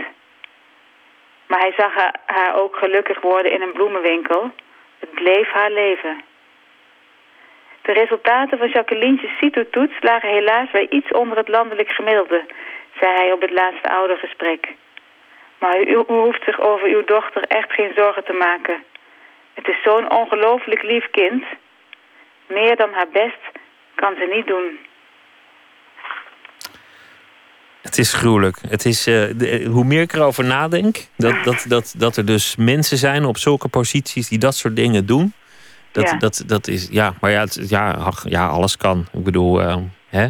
Ja, dat Ja. is het zo. Het kan allemaal. Het gebeurt allemaal ook. Dus Elke, keer als je ergens vertrouwen in hebt, dan, dan, dan vraag je er gewoon om, om weer door de waarheid eh, te worden bestraft. Toch? ja, precies. Ja. Zo, nou ja, goed. Lekker cynisch op het nachtelijke uur. Maar, eh, maar ik, ik heb het eigenlijk ook altijd een vreemd systeem gevonden dat, dat, dat onderwijs, zeg maar, het onderscheidend criterium is voor waar je in de samenleving mag komen. Dat, dat, dat cijfers uiteindelijk. Ik bedoel, je moet een Ja. soort toelatingsritueel hebben. En we willen niet dat het afkomst is. En daarom hebben we dan maar besloten dat school dat is. Dus dat je dan, Ja.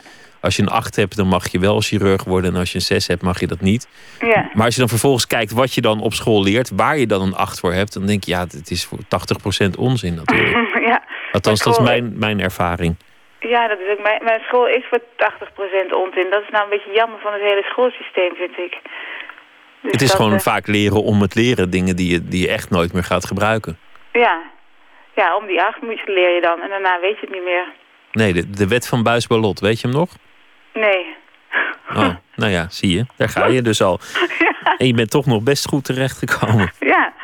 Het gaat best goed allemaal. Dank voor het, eh, voor het mooie verhaal. En eh, Ja. graag weer eentje morgen. Ik wens je Ja. alvast eh, succes met eh, wat je gaat doen. Ja. Elke Geurts, dank. Oké. Tot morgen, Tot goeienacht. Doeg. De Amerikaan Allo Black maakte een eigen combinatie van 70s soul en disco. Scoorde een hit met het liedje I Need a Dollar. Nou ja, dat is niet het liedje wat we gaan draaien, want eh, die komt van een ander album. The Man heet het liedje.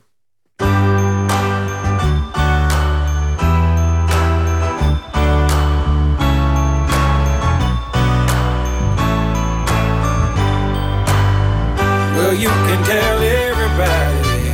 Yeah, you can tell everybody. Go ahead and tell everybody. I'm the man, I'm the man, I'm the man. Yes, I am, yes, I am, yes, I am. I'm the man, I'm the man, I'm the man. I believe every lie that I ever told. Paid for every heart that I ever stole.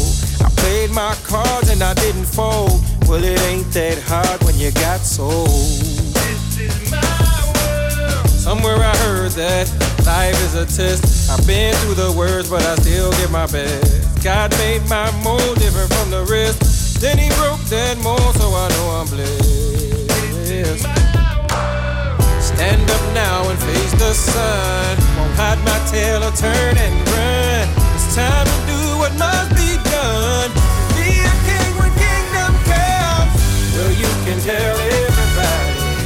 Yeah, you can tell the man, I'm the man, I'm the man. Well, you can tell everybody. Yeah, you can tell everybody. Go ahead and tell everybody. I'm the man, I'm the man, I'm the man. Yes, I am, yes, I am, yes, I am. I'm the man, I'm the man, I'm the man. I got all answers to your questions. I'll be the teacher, you could be the lesson. I'll be the preacher, you be the confession. I'll be the quick relief to all your stressing. It's a thin line between love and hate. Is you really real or is you really fake? I'm a soldier standing on my feet, no surrender,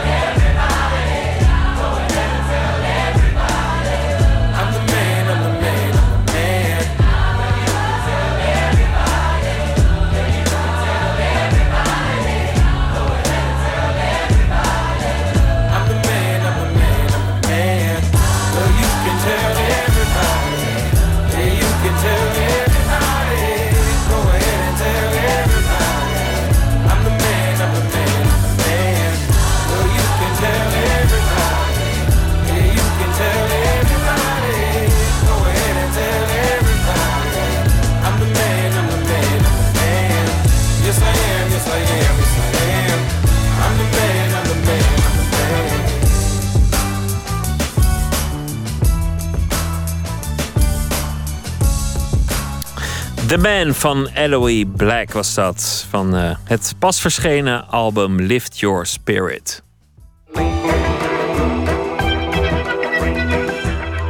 U luistert naar de VPRO op Radio 1. De schrijver Philip Roth geldt als Amerikaans grootste, Amerika's grootste auteur. Beroemd om werken als Portnoy's Klacht, The Ghostwriter en Het complot tegen Amerika, domineert Roth al jaren de lijstjes voor eventuele genomineerden voor de Nobelprijs. Over zijn leven en carrière is zojuist een biografie verschenen. Titel simpelweg Roth. Maarten Westerveen sprak over die biografie met een bewonderaar, Peter Buwalda, bekend van Bonita Avenue. En dat boek, Bonita Avenue, krijgt vaak het predicaat The Great American Novel, omdat het uh, zo Amerikaans-achtig geschreven is. Goed, ter zake. Eerst uh, vertelt uh, Buwalda het onderwerp over waarom hij. Of nee, eerst vertelt Roth zelf waarom hij in 2012 met pensioen besloot te gaan.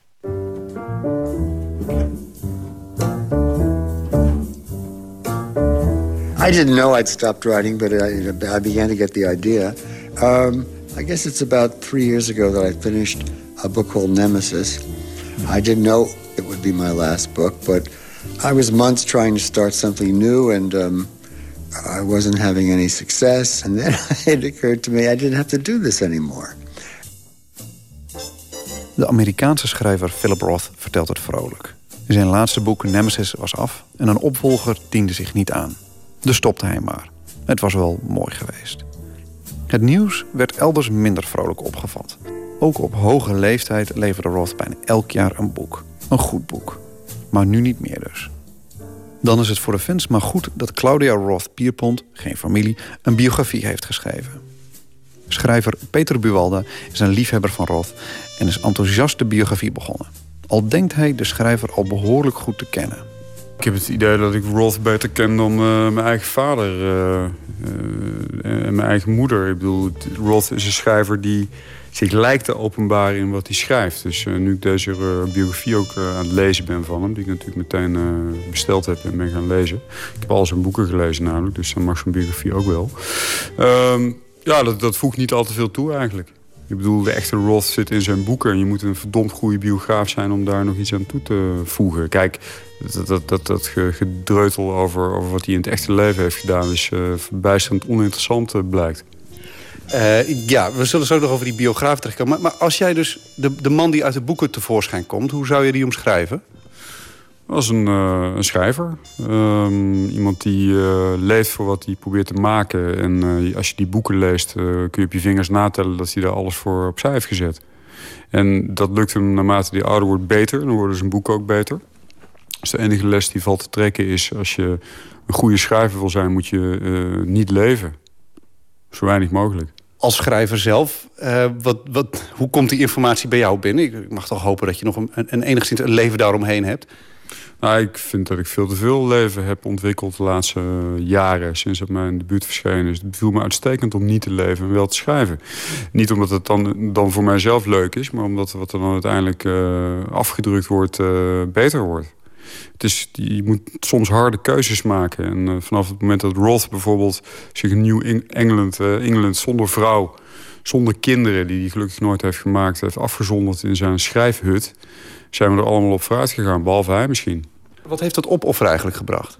Ja, wat het altijd brengt. Uh, je kunt, er is een directe relatie tussen uh, het offer wat een kunstenaar wenst te brengen en wat hij voortbrengt. Iemand die liever leeft, maakt geen interessante kunst over het algemeen. Ja, soms, misschien per ongeluk of zo. Kijk maar naar Truman Capote, die heeft een jaar vijf zichzelf kunnen afbeulen. Toen had je in Cold Blood en daarna is je de vierde schrijver gaan uithangen met alle gevolgen van dien. Dat soort patronen zie je wel vaker. Zeker als het om echt grote kunstenaars gaat. Er moet toch wel inspanning verricht worden... wil je veel goede boeken produceren. En dat is heel zwaar, dat is een worsteling. En Roth is daar uitzonderlijk goed in geslaagd, vind ik.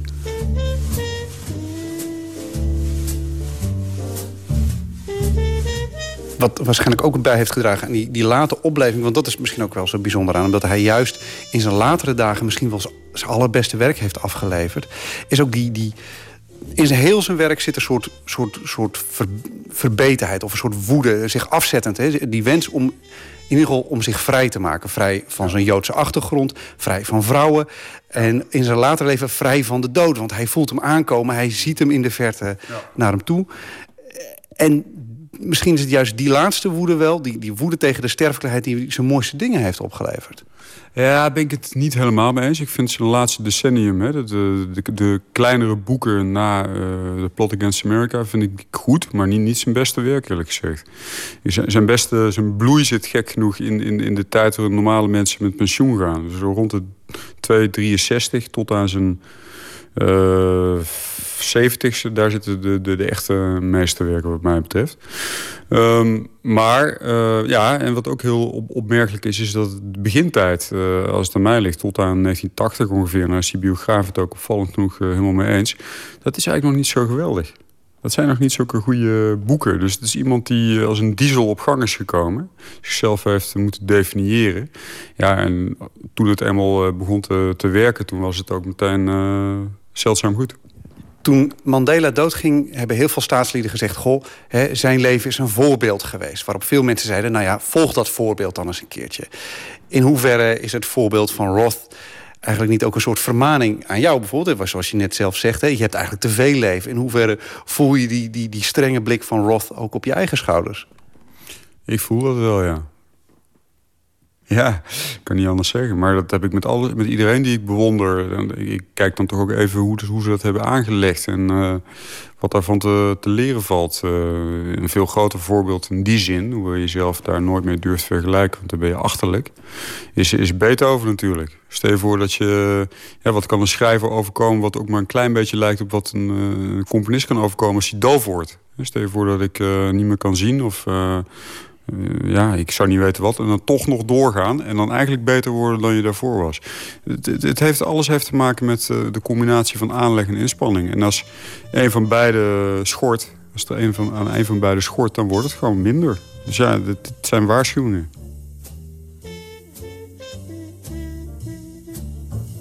Roth is snoeihard geweest in zijn keuze voor het schrijverschap. Met zijn eerste boeken Goodbye Columbus en Portnoy's Klacht wist hij de Joods-Amerikaanse gemeenschap te choqueren. En later verwerkte hij zijn teleurstelling in zijn ex-vrouw in boeken als De Feiten en Ik was getrouwd met een communist. Voor Roth telde alleen het schrijven. I think that um, that one's ethical restraints, one's um, customary caution, has to drop away so that you can freely tell the story. Mm-hmm. Uh, so if you're being a good son while you're writing, um, it's, being, it's going to be a book by a good son. A book about a good son is interesting, but a book by a good son is slanted. In zijn eigen woorden, je moet vrij zijn om je verhaal te vertellen. Laat je niet door fatsoen hinderen. Een boek over een goede zoon kan interessant zijn. Een boek door een goede zoon is saai. Waar komt volgens Peter Buwalda die wens om zich zo aan zijn werk te wijden vandaan? Ik denk, uh, ik hoop hetzelfde als bij mezelf eigenlijk. En dat is natuurlijk een beetje arrogant om met hem te vergelijken. Maar uh, wat me ook steeds opvalt is zijn echte, oprechte interesse en liefde voor de boeken van anderen. Het is niet iemand die graag beroemd wil zijn om zijn boeken. Het is iemand die vanaf het begin af aan uh, gegrepen is door literatuur. Uh, daar voortdurend les over geeft op universiteiten. Spreekt met mensen. Heel vaak laat hij zich ook ontvallen dat hij uh, het verschrikkelijk vindt om in gezelschappen te zijn waarbij je een boektitel noemt en dan beginnen ze over films. vind ik een geniale opmerking overigens. Um, dus dat is zijn drijfveer geweest. Dat weet ik gewoon zeker. Zijn liefde voor Bellows, zijn liefde voor Sherwood Anderson, voor, voor, voor Hemingway. Dat is oprecht, uh, terecht. Kafka. Op een gegeven moment heeft hij zich ook enorm ingespannen, heb ik gelezen, voor uh, schrijvers in Tsjechoslowakije. Daar ging hij zelfs geld voor inzamelen. En dan ging hij geld naar nou, op, opsturen vanuit uh, New York. doe je ook niet uh, zomaar. Dus ik denk dat dat een oprechte liefde is die, die groter is dan voor, voor, voor, voor de mensen om hem heen. En dat kan ik me eigenlijk heel goed voorstellen. Zijn, zijn bereik is ook zo belachelijk groot. Of het nou die jeugdige bronstigheid is... of, die, of, of, of de, de, de, de fragiliteit van het, uh, van het latere leven... of het nou juist die, he, die, die kleine wijk is waar hij zelf is opgegroeid... of het grotere Amerika of zelfs de grotere wereld, het jodendom zelf... hij kan het allemaal ook aan. Dat is altijd wat mij het meeste opvalt. Dat hij gewoon elk register zo'n beetje in huis heeft. Ja, het is, het is uh, een complete schrijver. Het gekke is dat ook niet alles goed is. Uh, ik denk uh, dat dat is ook toch wel een van de dingen die mij opvallen in de biografie en die ik ook deel. Er zitten ook gewoon mindere boeken bij. Het is, het is niet alleen maar goud wat er bij Roth blinkt. Dat betekent dat, dat je een schrijver toch uiteindelijk naar zijn beste werk moet beoordelen. Die, die biografe is duidelijk. Ze deelt de naam, ze is geen familie. Maar ze is nou ja, duidelijk volkomen nou ja, ze is duidelijk helemaal weg van deze man. Het is, ze, inderdaad, in de boekbeschrijving ze nog wel eens streng te zijn. Tegelijkertijd, je, je, het is duidelijk dat deze man diep in haar hart heeft gesloten. Um, is dat, is dat, levert dat een betere biografie op? Of, of is dat, vind je het in dit geval riskant? Nou, ik vind het eigenlijk geen biografie ook. Het is, het is een, uh, een monografie over, over het werk van Philip Roth... in relatie tot, tot zijn ja, zijn leven. Uh, ik vind het geen levensbeschrijving eigenlijk. Het, het is, uh, het is een kritische evaluatie van wat hij geschreven heeft. En daar is ze zeer, zeer kritisch in. Ik ben nu dus, uh, ik, weet heus wel wat me te, wachten staat waarschijnlijk. Maar de goede boeken komen nog. Maar ik ben nu in 1983. En de oogst is tot dusver één vrij aardige verhalenbundel. En een prachtig boek wat ik zelf niet zo goed vind. Portland's Complaint. En voor de rest vindt ze alles eigenlijk matig. Gevraagd naar zijn favoriete fragment pakt Peter Buwalda The Ghostwriter. Waarin Philip Roth's alter ego Nathan Zuckerman vertelt over het proces van schrijven. Ik gooi zinnen om. Dat is mijn leven. Ik schrijf een zin op en daarna gooi ik hem om. Daarna bekijk ik hem en gooi hem nog een keer om. Daarna ga ik lunchen. Daarna ga ik verder en schrijf weer een zin op. Daarna drink ik thee en dan gooi ik de nieuwe zin om. Daarna lees ik de twee zinnen over en gooi ze allebei om. Daarna ga ik op mijn sofa liggen nadenken. Daarna sta ik op en schrap ze en begin overnieuw. En als ik maar een dag van die routine afwijk, word ik gek van verveling en van het gevoel dat ik mijn tijd verspil. We mogen aannemen dat hier de Roth op zijn meest eerlijks uh, aan het woord komt. nou ja, ook, hoe zeg je dat? Het, het is natuurlijk een volstrekte uh, tragiek van het schrijven die daar uitspreekt. Maar het is tegelijkertijd de enige manier om het te doen. En dat, dat maakt het mooi. Het is Sisyphus arbeid die uh, ja, alleen bij, bij, bij hele koppige lui uh, wat, wat oplevert. En dat, dat vind ik fraai eraan. En hij is natuurlijk een van de koppigen.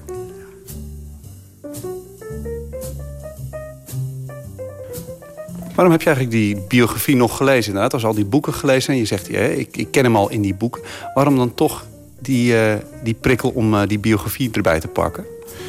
Uh, nou, dit is gewoon een soort, soort hondstrouwheid die ik heb. Ik bedoel, ik lees die man al uh, vanaf 1993 of zo. En uh, ik ben gewoon nieuwsgierig hoe het, hoe het eruit ziet uh, in zo'n biografie. Het, ik, ik bedoel, als Vestdijk's biografie verschijnt, dan lees ik hem ook. En als die van Hermans heb ik ook gelezen, de helft althans, het eerste deel. En zo, ga, ja, zo, zo doe je dat. Je, je leeft met bepaalde schrijvers. Stiekem nog hoop om iets te weten te komen dat je nu nog niet wist? Altijd, tuurlijk. Tuurlijk, tuurlijk. Nee, maar het, het, het, loopt, het, loopt een soort, soort... Ja, hoe noem je dat? Een soort zenuwkanaal naast de fictie natuurlijk. En dat is het echte leven. En vaak is dat teleurstellend. Want het leven zelf is teleurstellend. En fictie is dat maar zelden als, als het om goede schrijvers gaat. Toen ik denk dat het leven van uh, Ian McEwan een stuk minder interessant is dan zijn romans. Het leven is teleurstellend. Gelukkig hebben we de fictie. Tuurlijk, daar, daar is fictie voor bedoeld. Ik las vanochtend in de kranten een of ander stukje over dat, we, dat het echte verhaal de roman overstijgt. Nou, dat, daar ben ik het dus pertinent mee oneens. Dus, ja, nee. Ik bedoel, juist de techniek die de roman biedt, de introspectie, de toon die je kunt aanslaan, de, de, de, de technieken die langzaam ontwikkeld zijn, die zijn fantastisch. De roman is, is wat betreft het leren kennen van het leven en van de ander eh, het beste medium dat er bestaat. Dat blijft zo, hoop ik bedoel, daar kan de film niet eens aan tippen. En zo is het. Philip Roth is nu na meer dan 50 jaar schrijverschap gepensioneerd. Bezoekt concerten van het Emerson Ensemble, herleest zijn favoriete boeken en verleent af en toe zijn tijd aan journalisten. Over het leven zoals het nu in deze biografie tevoorschijn komt, is hij nuchter. Well, I, I have some regrets, um, but uh, it wouldn't have been a life without regrets. So your mistakes propel you forward.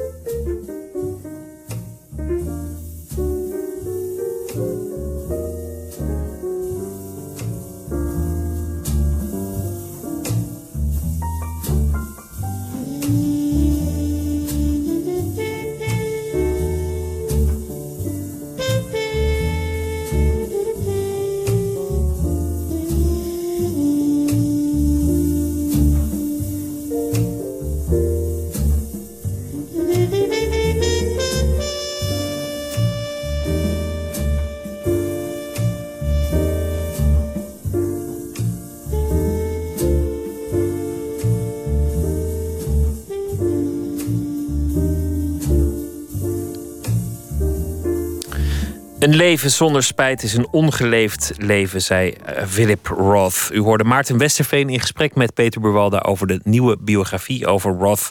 Geschreven door Claudia Roth Piermont. En daaronder hoorde u muziek van Miles Davis van het album van Cannibal Adderley, Something Else. Het nummer Autumn Leaves. Meer muziek. We gaan luisteren naar Damon Albarn. Hij heeft een uh, nieuw album uit. Lonely Press Play is het nummer dat we draaien.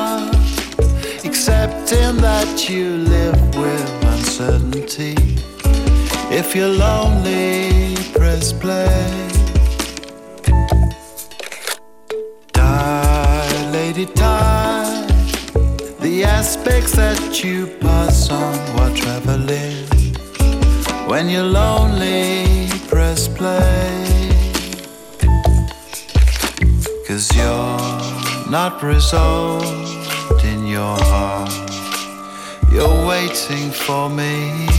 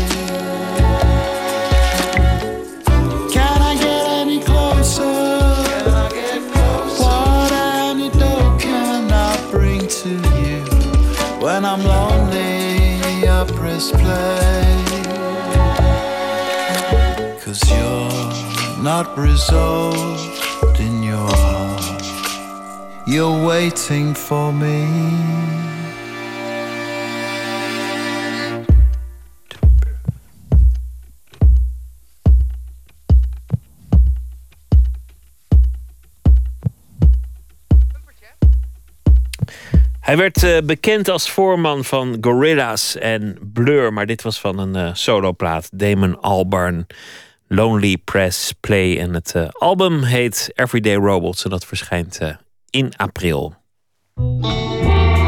Nooit meer slapen. Ophef in de literaire wereld, het zal ook eens niet. Verslaggever Anton de Goede, goeienacht. Ja, goeienacht Pieter. Wat, wat, uh, wat is er nou weer voor ophef? Een artikel van Jamal Uriachi in Vrij Nederland. Ja, hoe groot, hoe groot kan een storm worden? Nou, ja, een storm. Het is, het is niet zozeer een storm, het is niet zozeer een relletje, als wel dat het toch een kwestie is, vind ik, waarvan het aardig is om erover na te denken en erover te filosoferen. Maar je hebt gelijk, het is Boekenweek, het was Vrouwendag. En dan hoort er ook een kwestie. Uh, en daar was hij weer. De vraag: kunnen vrouwen net zo goed schrijven als mannen? Uh, want dat was eigenlijk de vraag die inderdaad Jamal Uriachi opwierp in het lopende nummer van Vrij Nederland. Hij had een, had een Daarin, soort titel van, van uh, Vrouwen doe eens een keer je best of zoiets, toch? Of hoe was de titel? Vrouwen legt, ja, Vrouwen legt de lat eens hoger. Uh, ondertitel De part-time mentaliteit in de literatuur. Ja, um, ja nou ja, uh, zijn stuk zegt eigenlijk... mensen kunnen nu wel roepen dat er sprake is van seksisme... onder critici en op redacties en binnen juries... want er zijn nog steeds mensen die dat doen... en die zich druk maken over het feit dat boeken van vrouwen... minder aandacht krijgen bij prijzen en besprekingen. Maar, zegt hij, misschien ligt het wel aan die boeken zelf... Hij lijkt te willen zeggen: de kwaliteit van door vrouwen geschreven boeken ligt nu eenmaal gemiddeld gesproken onder het niveau van de boeken die door mannelijke collega's worden geschreven. Hij nou ja, formuleert het zo. Ja, laten ja, luisteren. Wat ik heb geprobeerd ja? um, is om een discussie die steeds weer bij uh, seksisme uitkomt als grote veroorzaker van alle uh, ellende, zonder dat daar echt harde bewijzen voor zijn, om die discussie een, een andere richting te geven. Um, door meer te kijken naar de aard van literaire werken. En dan kom je dus uit bij ja, dat, dat soort aspecten uh, die opvallen. Omvang, uh, stijl, compositie, experiment, vernieuwing. En um, nou, mijn eerste verkenningen op dat gebied... Het is nog geen harde wetenschap, maar het zijn eerste verkenningen... die lijken erop te wijzen dat Nederlandse vrouwen... minder opvallende boeken schrijven dan bijvoorbeeld Engelse of Amerikaanse vrouwen. Anton, hij zegt het zelf al, het is, het is geen wetenschap. Ja, zoiets, dit soort stellingen kun je nooit wetenschappelijk bewijzen. Het is net zoiets als dat, dat uh, blanken zijn slimmer dan zwarte... of zwarte rennen harder dan blanken. Dat is gewoon heel moeilijk wetenschappelijk te bewijzen... omdat, omdat je dan een steekproef onder de hele wereldbevolking... zo'n beetje zou moeten nemen. Hoe zou dat, hoe ja, dat, toch, ja. ja, hoe je dit ooit nou, moeten bewijzen? Ja. Nou ja, hij is dus gaan turven, hij is gaan kijken, hij is gaan en hardop aan het nadenken. We hoorden net Peter Buwalda over Philip Roth. Die zei, als je wilt schrijven moet je alles in dienst stellen daarvan. En dat kan je niet part-time doen, het moet een bezetenheid zijn. En wat zegt Uriachi? Die zegt, ja, eh, Nederlandse schrijvers... en vooral vrouwen, die zijn vaak part-time daarmee bezig... en ze nemen met minder dan 100% genoegen... en dan kan het eigenlijk nooit wat worden al dus Uriachi. Ja, maar is, is het waar? Want, want er verschijnen wel eens van die artikelen over wie zijn nou de grote nieuwe drie hè, in, in de literatuur. En ik voorspel dat over tien jaar de grote nieuwe drie, dat dat drie vrouwen zullen zijn. Nou, het zou mooi zijn. Liter eh, literatuurcritica Fleur Speet die ziet het heel anders dan Uriachi. Zij zegt het gaat juist om de tegenstelling in waardering. Wat een man schrijft wordt vaak meer gewaardeerd dan wat een vrouw schrijft alleen vanwege dat seksenverschil. Een voorbeeld, luister naar Fleur Speet. Wanneer een man schrijft over zijn overleden dochtertje... dan wordt dat heel erg dapper gevonden, zoals uh, Tomezen heeft gedaan. Maar wanneer een vrouw schrijft over haar overleden kind... is dat gauw te autobiografisch. En dat is zoals met Esther Jansma is, uh, is gebeurd. Die kreeg dat verwijt. En ja, dat, dat zijn natuurlijk toch wel heel evidente verschillen. dat eigenlijk precies hetzelfde op een andere manier gewaardeerd wordt. Dus die, eh, die zegt er zit eigenlijk een soort bias bij, bij de recensenten. Die, die van een man wel iets pikken wat ze van een vrouw niet zouden pikken. Zij zegt als Hugo Claus eh, een boek schrijft om het tijdsgevricht in België te pakken. Dan, eh, en hij schrijft Het Verdriet van België, dan heet dat De Grote Vlaamse Roman. Doet Saskia de Koster dat, dan wordt er gezegd van hmm, dat boek is te weinig experimenteel. Dat zegt dan Fleur Speet. Nu komt zij al jaren op voor die vrouwelijke stem in de letteren. En er is ook een prijs, de Anna Bijnsprijs... alleen voor literatuur van vrouwen. En ik dacht nu van laten we eens een intelligent iemand vragen... die wat seksenneutraal in deze discussie staat... om daar iets verstandigs over te zeggen. En toen dachten we, wie beter dan de mannelijke schrijver Maxime Februari... die jarenlang leefde als de schrijfster Marjolein Februari wie beter dan hij zou, zouden we dat kunnen vragen? Dan wordt het vast een neutraal antwoord. Maxime Februari gevraagd was echter heel uitgesproken. Ik denk dat in Nederland de, uh, de manier waarop over literatuur geschreven en gesproken wordt... Uh, seksistischer is dan, dan elders. En ik kan zeggen, ik heb veel domeinen in mijn leven uh, bezocht... en op veel verschillende terreinen gewerkt. De laatste jaren bijvoorbeeld in de luchtvaart en het viel mij in de luchtvaart op. Ehm, eh, echt, ik was er verbaasd over hoe serieus vrouwen daar in hun professionaliteit worden genomen. Ik kende dat eigenlijk niet vanuit de cultuur en niet vanuit, vanuit de wetenschap... Waar, waar het wel beter is dan in de literatuur... maar toch nog niet zo als in een industrie als de luchtvaart. Waar wel flauwe grappen worden gemaakt over vrouwen, dat is iets heel anders. Maar op het moment dat een vrouw iets zegt, wordt ze op haar gezag geloofd. Als je... Ehm, met dat schrijven voortdurend wordt uh, ingedeeld in het uh, interneringskamp van de vrouwelijke schrijvers. Dan moet je toch iets leukers in je leven gaan doen. Um, ik heb me daar zelf natuurlijk wel weer handig uitgemanoeuvreerd. Uit dat kamp. Maar... Um, en hoe heeft u dat gedaan? Uh, door, door, niet langer als vrouwelijke auteur te worden gezien. Ja, dat is een radicaal advies. Laat je ombouwen, dan, dan ben je af van, uh, van seksisme. Dat, dat gaat natuurlijk wat ver. Ik, ik ben het toch uiteindelijk niet met Uriachi eens, omdat je, dat je veel vrouwen tekort doet. Ik heb alleen dit jaar al prachtige boeken gelezen. Uh, Maartje Wortel heeft een mooie roman uit. Uh, Saskia de Koster, die jij noemde, heeft een prachtig boek uit. Frank Catreur, die kwam gisteren nog ter sprake, vond ik ook een mooi boek. Nou, ik kan er nog veel meer noemen. Dus je, je doet mensen tekort als je zegt vrouwen leggen de lat te laag. Had, had, Maxime nog een, had Maxime een advies eigenlijk aan vrouwen van hoe, hoe je daar nou eens vanaf komt? Nou, hij had een uh, originele verklaring voor de botte manier waarop vooral mannelijke schrijvers, en hij, hij, hij verwees eigenlijk naar Uriarchi, in Nederland omspringen met literatuur van vrouwen. En hij begon die verklaring inderdaad met een soort advies. Het zou ook mannelijke schrijvers sieren als ze wat wat uh, prettiger over hun vrouwelijke lezers zouden spreken. En ik denk dat een groot deel van de opwinding daar ook uit voortkomt. Dat uh, mannen zo weinig romans lezen... dat mannelijke schrijvers zich uh, vernederd voelen door het feit dat ze alleen nog maar de vrouwen worden gelezen. En dat uh, alleen nog maar kunnen afreageren door ongelooflijk macho te worden. Dat is natuurlijk een prachtige verklaring. De lezers, daar kunnen we kort over zijn, dat, die zijn voor het overgrote deel vrouw. Toch? Ja, dat wordt altijd, wordt altijd gezegd. Hè? En uh, daar is inderdaad onderzoek naar gedaan. En dat schijnt inderdaad uh, te kloppen. Nou. Of, die verklaring, ja, of die verklaring nou wetenschappelijk is van Maxime Februari. Ik vind hem wel grappig en is weer stof tot nadenken. Ik zou zeggen, alle schrijvers moeten de lat hoger leggen. Altijd, per definitie. Jamal Uriachi voorop. Die moet de lat ook wat uh, hoger leggen. En Anton, dank je wel voor deze ja, bijdrage. Pieter, goedenacht. Een goede nacht. We gaan luisteren naar uh, soulmuziek. Betty Lavette ze is nog steeds bezig. En dit is een, uh, een klassieker die zij heeft uitgevoerd. Don't Let Me Be Misunderstood.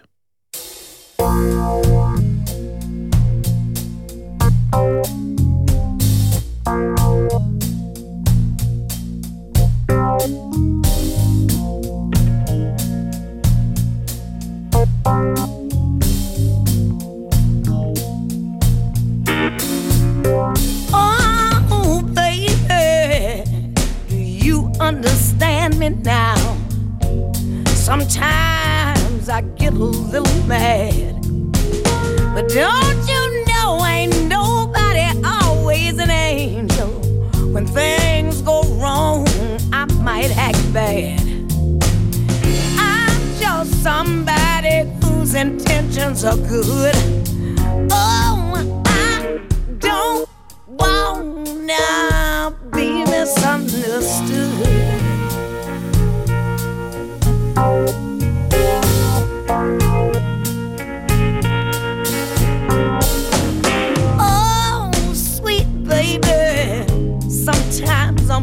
carefree with a joy that's hard to hide. Sometimes it seems that all I gotta do is worry. Then you're bound to see my upside. Somebody whose intentions are good. Oh Lord, please don't let me be misunderstood.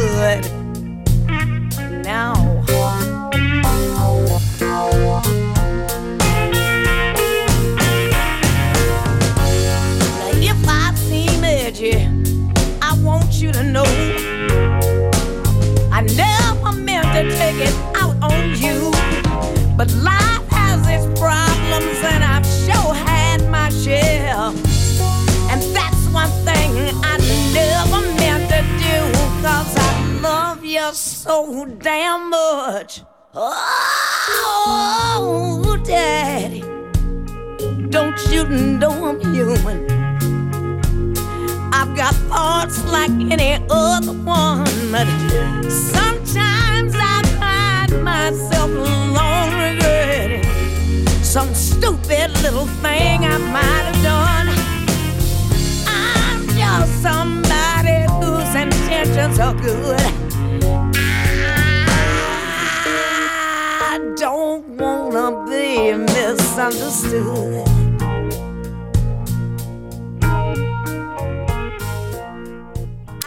Don't Let Me Be Misunderstood was voor het eerst een hit van Nina Simone in 1964. In 1965 een hit door The Animals. En dit is de versie van Betty Lafette.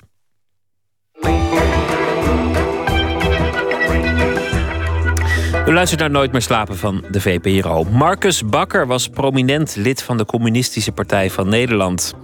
Hij was ook de grootvader van theatermaker Michiel Bakker. In de muziekvoorstelling Makker Marcus Bakker kijkt hij naar het leven en het werk van zijn opa. Botte Jellema was gisteren aanwezig bij een repetitie.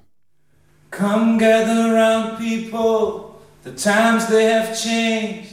The daughters and sons are now old and estranged. From the dreams they once had, from the children they bore, while the waters still rise, they don't swim anymore. Hij was heel oud al. Marcus Bakker was in de jaren 60 en 70 fractievoorzitter van de CPN, de Communistische Partij van Nederland. Toen was ik een keer bij hem en toen zei hij... eh, ik heb een wandeling gemaakt. Parkinson.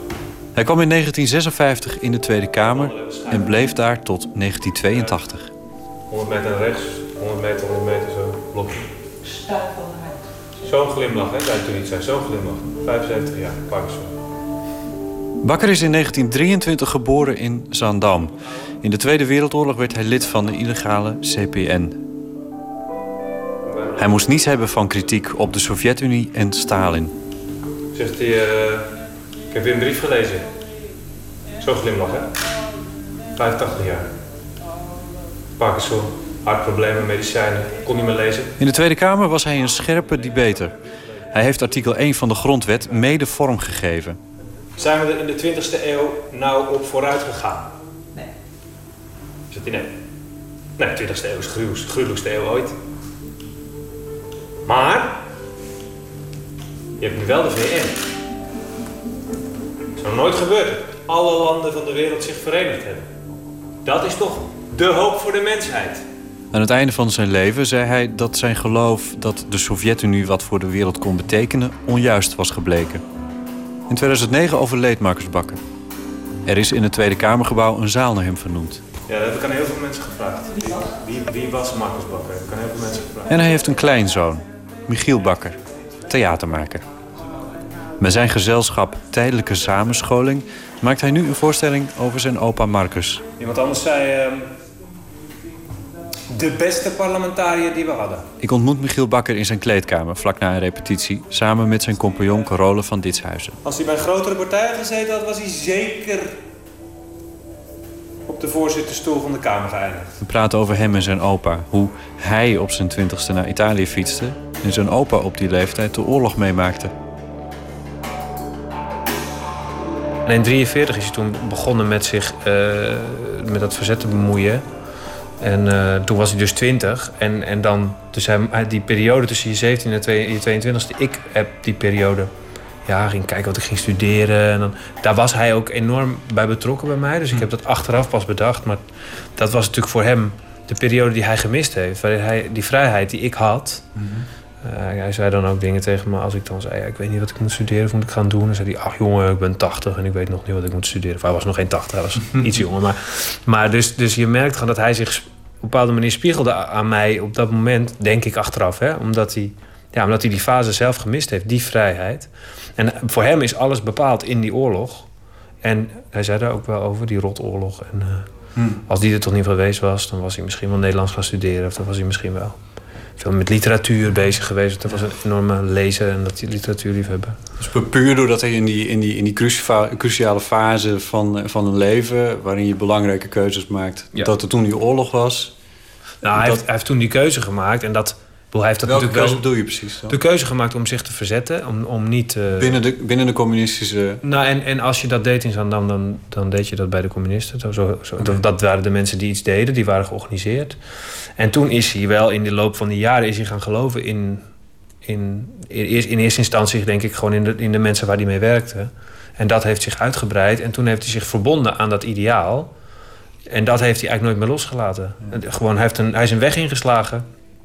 En, eh, en die heeft hij doorgetrokken. Zo. En, niet, niet alsof het lot het bepaald heeft, maar wel alsof... Ja, als hij eenmaal een keuze maakt, dan, dan maakt hij die ook. Zo'n soort... eh, maar hij heeft wel het gevoel... Ja, en dat is een heel groot dat verschil. zit ook heel vaak in jullie voorstelling. Van, van als je dan eenmaal gekozen hebt...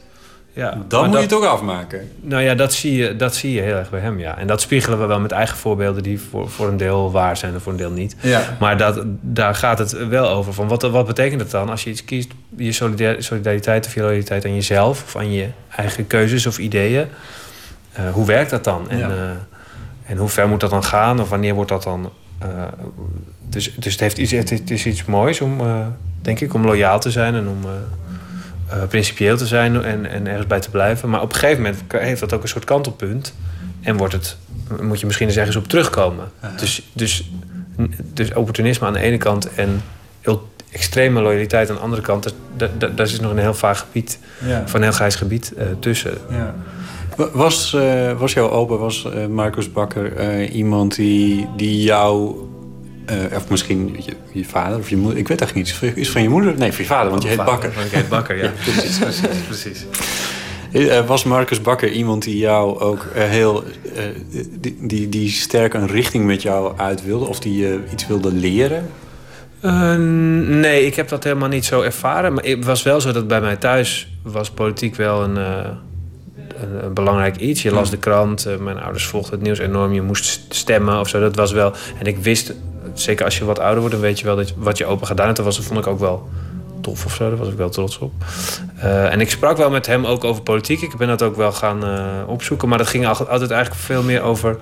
In je voorstelling vertel je dat je het meest trots bent op dat er iets in, de, in artikel 1 van de grondwet terecht is gekomen wat je opa heeft. Nou, dat, is voor hem, eh, dat was voor hem iets, iets belangrijks. Dat hij, dat hij anti, die antidiscriminatiewetgeving mede heeft, eh, Ja. of dat hij daaraan bij heeft Ja. gedragen. Discriminatie op grond van eh, religieuze overtuiging, levensovertuiging, politieke gezindheid, ras, geslacht is niet toegestaan. En dan vinden ze dan niet helemaal dekkend genoeg met je willekeurige opzomming, die nog wel een paar dingen noemen. En dan stelt hij voor om toe te voegen of op welke grond dan ook. Wist je, wist je dat Marcus Bakker, kende je Marcus Bakker? Wist je Nee, wie dat was? ik heb hem nooit ontmoet. Oh, zo. Eh, ja, ik wist wel wie het was, maar ik had hem nooit ontmoet. En ik kende hem ook niet zo Wist je dat het zijn opa hoor. was? Nou, vanaf het moment dat ik hem kende, wist ik dat het zijn opa Ja. was. Ik kende Marcus Bakker eigenlijk niet voordat ik Michiel kende. Eh, Hij is uit de, uit de kamer gegaan toen, toen in het jaar dat wij... eh, Geboren werden. Ja, vlak daarna. Dus dat is, het is echt een... eh, ja, het is, ja, mensen van onze generatie weten eigenlijk nooit wie het is... tenzij je Ja, soort, nee, maar zo, zo werkt het. Over twintig jaar weet ook niemand meer wie Femke Halsema was. Of ze moet nog iets heel belangrijks gaan doen, dat weet ik niet. Hoop ik. Ja, hè? ja. niet, niet, niks ten nadele van Femke Halsema. Dan moet hij spreken over buitenlandse zaken. Hij is dan, dat is belangrijk, hij is dan eh 33. Ik ben ook, nou, ik word dit jaar 33. En eh, nou, hij, hij, hij gaat achter dat uh, spreekstoel te staan. En op het moment dat hij begint te spreken, staat die hele kamer, dus dat jaar uitgebreid naar 150 mensen, staat masse op. En die beginnen zich naar de uitgang te bewegen, maar niet zachtjes, hè, maar met een slawaai, geflapper en geklapper van mappen en dingen. En... Nou, ik heb eerst eigenlijk, de, als wij over hem spraken, Michiel en ik, ging het veelal over, over uh, Marcus Bakker, de opa. En wat Michiel daar dan wel of niet van had meegekregen. En pas later, echt tijdens het, uh, zeg maar de aanloop echt naar het repetitieproces toe, zijn we meer ben ik meer uh, Marcus Bakker de, de politicus tegengekomen. Uh, maar daarvoor ging het uh, nou, over hele persoonlijke dingen. Zoals ik weet dat, dat het al een heel lang een ding is bij Michiel over politiek en kunst en hoe je dat bij elkaar krijgt. En daar is het heel veel over gegaan in het begin. En pas later de politicus ben ik tegengekomen. Ja. En wat, wat vond je daar dan van? Waarvan? Nou ja, het, het, het, is niet, het is niet het CDA geweest, laten we zo zeggen. Ja, wat vond ik ervan? Van zijn, uh, van zijn carrière bedoel je? Of van, van zijn, uh, alle dingen die hij heeft meegemaakt? Ja, nou ja... Het communisme in het algemeen. Oh, dat bedoel, je dat? Nou ja, bijvoorbeeld. En, en dat, dat, dat zijn opa dat dan is geweest. Nou, ik vond het wel heel bewonderenswaardig om zo... Uh, wat ik heel interessant vond, is dat je op een gegeven moment... over die solidariteit, dat ja. vond ik wel dat dat bijna net, zo, bijna net gelijk staat als verraad eigenlijk. En dat dat echt niet meer iets is wat in onze generatie zo speelt. Ja. Dat, heeft wel heel veel, dat heeft wel vragen opgeroepen die ik wel uh, echt interessant vond. En maar verder dat het Michiels opa is, ja, dat is, gewoon, dat is gewoon wat het is of zo. En ik heb de man ook nooit gekend. Ik heb hem nooit gekend in de piek van zijn carrière. Dus ergens gek genoeg is het voor mij ook een fictief uh, iemand, ja. uh, hmm. toch. Alleen uh, staat het zo dicht bij Michiel dat het, dat het ook weer niet zo is. Maar voor mij persoonlijk is dat natuurlijk ergens wel zo. Maar dat begrijp ik. En het gekke is dat het voor mij, de, de politicus, is voor mij ook een, een constructie in mijn hoofd. Ja, ik heb nu filmpjes gezien en zo, dus daar wordt het dan iets uh, concreter van. Maar het is vooral, bestaat vooral uit verhalen. Uit, uit leraren vroeger bij mij op school. Als die dat dan achterkwamen, die gingen zeggen: Oh, Marcus Bakker, echt waar is dat jouw opa? En nou, als die sprak dan. Uh... En dat, ik, ik had, die filmpjes waren er nooit. Die, die YouTube was er allemaal nog niet en zo. Dus ik had eigenlijk nog. Ja, misschien is één zo'n documentaire die we misschien wel hadden, maar die had ik denk ik ook nooit gezien. Dus ik was daar ook niet dat waren, dus dat je bouwt een beeld dan. En ik had gewoon mijn opa, die dus inderdaad verhaaltjes verzon als ik daar logeerde. En die gewoon was een, die bij het voetballen kwam kijken. En uh, echt een, een, lieve opa. Zo. En wel iemand met autoriteit of zo. En uh, uh, het ging wel over politiek toen ik wat ouder was. Maar het was niet die, dat, die hele politicus. Dat, dat is een constructie natuurlijk in mijn hoofd van al die verhalen die ik daarover gehoord heb. En een beeld wat ik heb gemaakt. Dus in die zin komt het nog best wel een eind overeen. Dat dat in die zin een fictie is dat je gewoon. Ik weet niet hoe dat was. Nee. Ik weet ook niet met die koude oorlog. En ik, ik kan dat, die kan dat allemaal wel een soort voor de geest halen van wat voor. Ja. hoe dat geweest moet zijn. Maar je weet het echt niet. Dus het, is, het wordt ook een soort fictie. Ja. ja. Er staat wel tegenover. Koloniale oorlog. We komen godverdomme net zelf uit een bezetting. En, en, en dan, dan de enige partij die goed stelling neemt, die zegt: je moet daar weg, je moet, je moet, je moet die mensen vrijlaten. Dat is de communistische partij. Als, als de Maagdenhuis bezet wordt, de enige partij die dat steunt, die de studenten steunt daar, is de CPN. Wie staat daar te spreken? Marcus Bakker. En dan heb ik nog een heel persoonlijk voorbeeld, maar dat ga ik u niet vertellen. Maar dat is nog veel Een beweging van massamoordenaars, dat, dat heeft ook iemand Ja, dat heeft ook iemand gezegd. Ja. En toen heb ik tegen hem gezegd, ik vind het aanstootgevend als jij dat zegt. Nou, toen zei hij, nou, dan zal ik het niet meer zeggen. Toen hij overleed was ik heel verdrietig. Zo verdrietig dat ik ook wel dacht, ja, het was ook gewoon een hele oude opa die doodging, die al heel lang Parkinson had. Het, het is niet mag je wel verdrietig om zijn, maar ik was zo verdrietig dat ik dacht: Goh. Ik denk dat dat te maken heeft met een soort identificatie, een soort ergens trots op zijn, wat, wat, waar je dan afscheid ook van moet nemen. Afgezien nog van gewoon een lieve opa waar je afscheid van neemt. Dat maar ontwijk ik een beetje je vraag. maar en er zit natuurlijk wel, er is ook wel wat kritisch te zeggen over, over die, wat ik zei, die doorgevoerde loyaliteit, die ook leidt tot, uh, zeker in de CPN ook geleid heeft tot rare dingen. Dat, daar zeggen we ook iets over. Ik weet niet, misschien had hij, had hij wel gedacht hebben, doe maar niet. Of weet ik niet, daar kan ik niet, daar kan ik niet over oordelen natuurlijk. Maar ik weet niet of ik het gemaakt had, had als hij nog had geleefd. Politiek. Politiek is de hoogste kunst. Dat vind ik. Dat vind ik onzin. Dat ik, dat, ik zou willen dat ik dat onzin vond. Ik wil de politiek in. Ik wil de politiek in. Ik moet de politiek in. Ik moet in de politiek terechtkomen. In de politiek ga je niet. In de politiek kom je terecht omdat je dingen vindt. Nou, ik vind dingen. Ik vind dingen van van alles. Ik vind allerlei dingen van van alles. Maar ik kom, ik kom maar niet in de politiek terecht. Ik wil niet in de politiek terechtkomen. Politiek is de hoogste kunst. Ja, dat is een citaat van Thomas Benner, dat is een toneelschrijver. Dat zegt een personage in zijn stukken, maar dat, dat gebruik ik omdat het voor mij iets representeert. Dat ik altijd het gevoel heb dat kunst, dat kan je doen. Vind ik ook heel belangrijk dat mensen dat doen. Maar eigenlijk, als je echt iets wil doen, dan moet je de, de politiek in.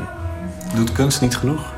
Ja, ik vind het niet echt, maar, eh, maar ergens op in de achtergrond vind ik dat toch of zo. Dat, dat, of dat, dat- ik heb het gevoel dat eigenlijk als je het wezenlijke verschil wil maken, dat je de politiek in moet. En als ik dat werkelijk dan voor mezelf ga beredeneren, dan weet ik dat dat helemaal niet waar is. Want dat, dat er allerlei factoren in de samenleving zijn die belangrijk zijn. En dat ik dit gewoon heel graag doe. En dat ik denk dat ik daar iets wezenlijks mee kan doen. Maar toch zit daar ergens in mijn achterhoofd zit dat altijd. En dat heeft ook met mijn open te maken, ja.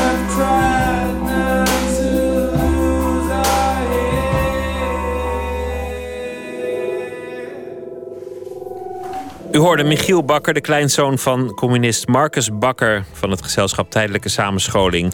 En die voorstelling is eh, te zien vanaf 22 maart door heel het land. En zo kwamen we aan het einde van deze aflevering van Nooit meer slapen.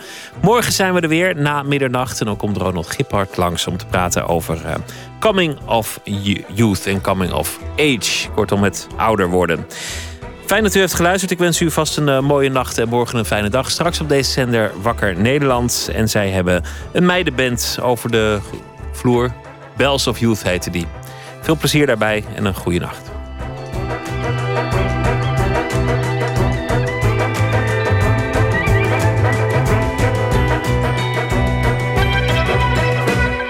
Op Radio 1, het nieuws van alle kanten.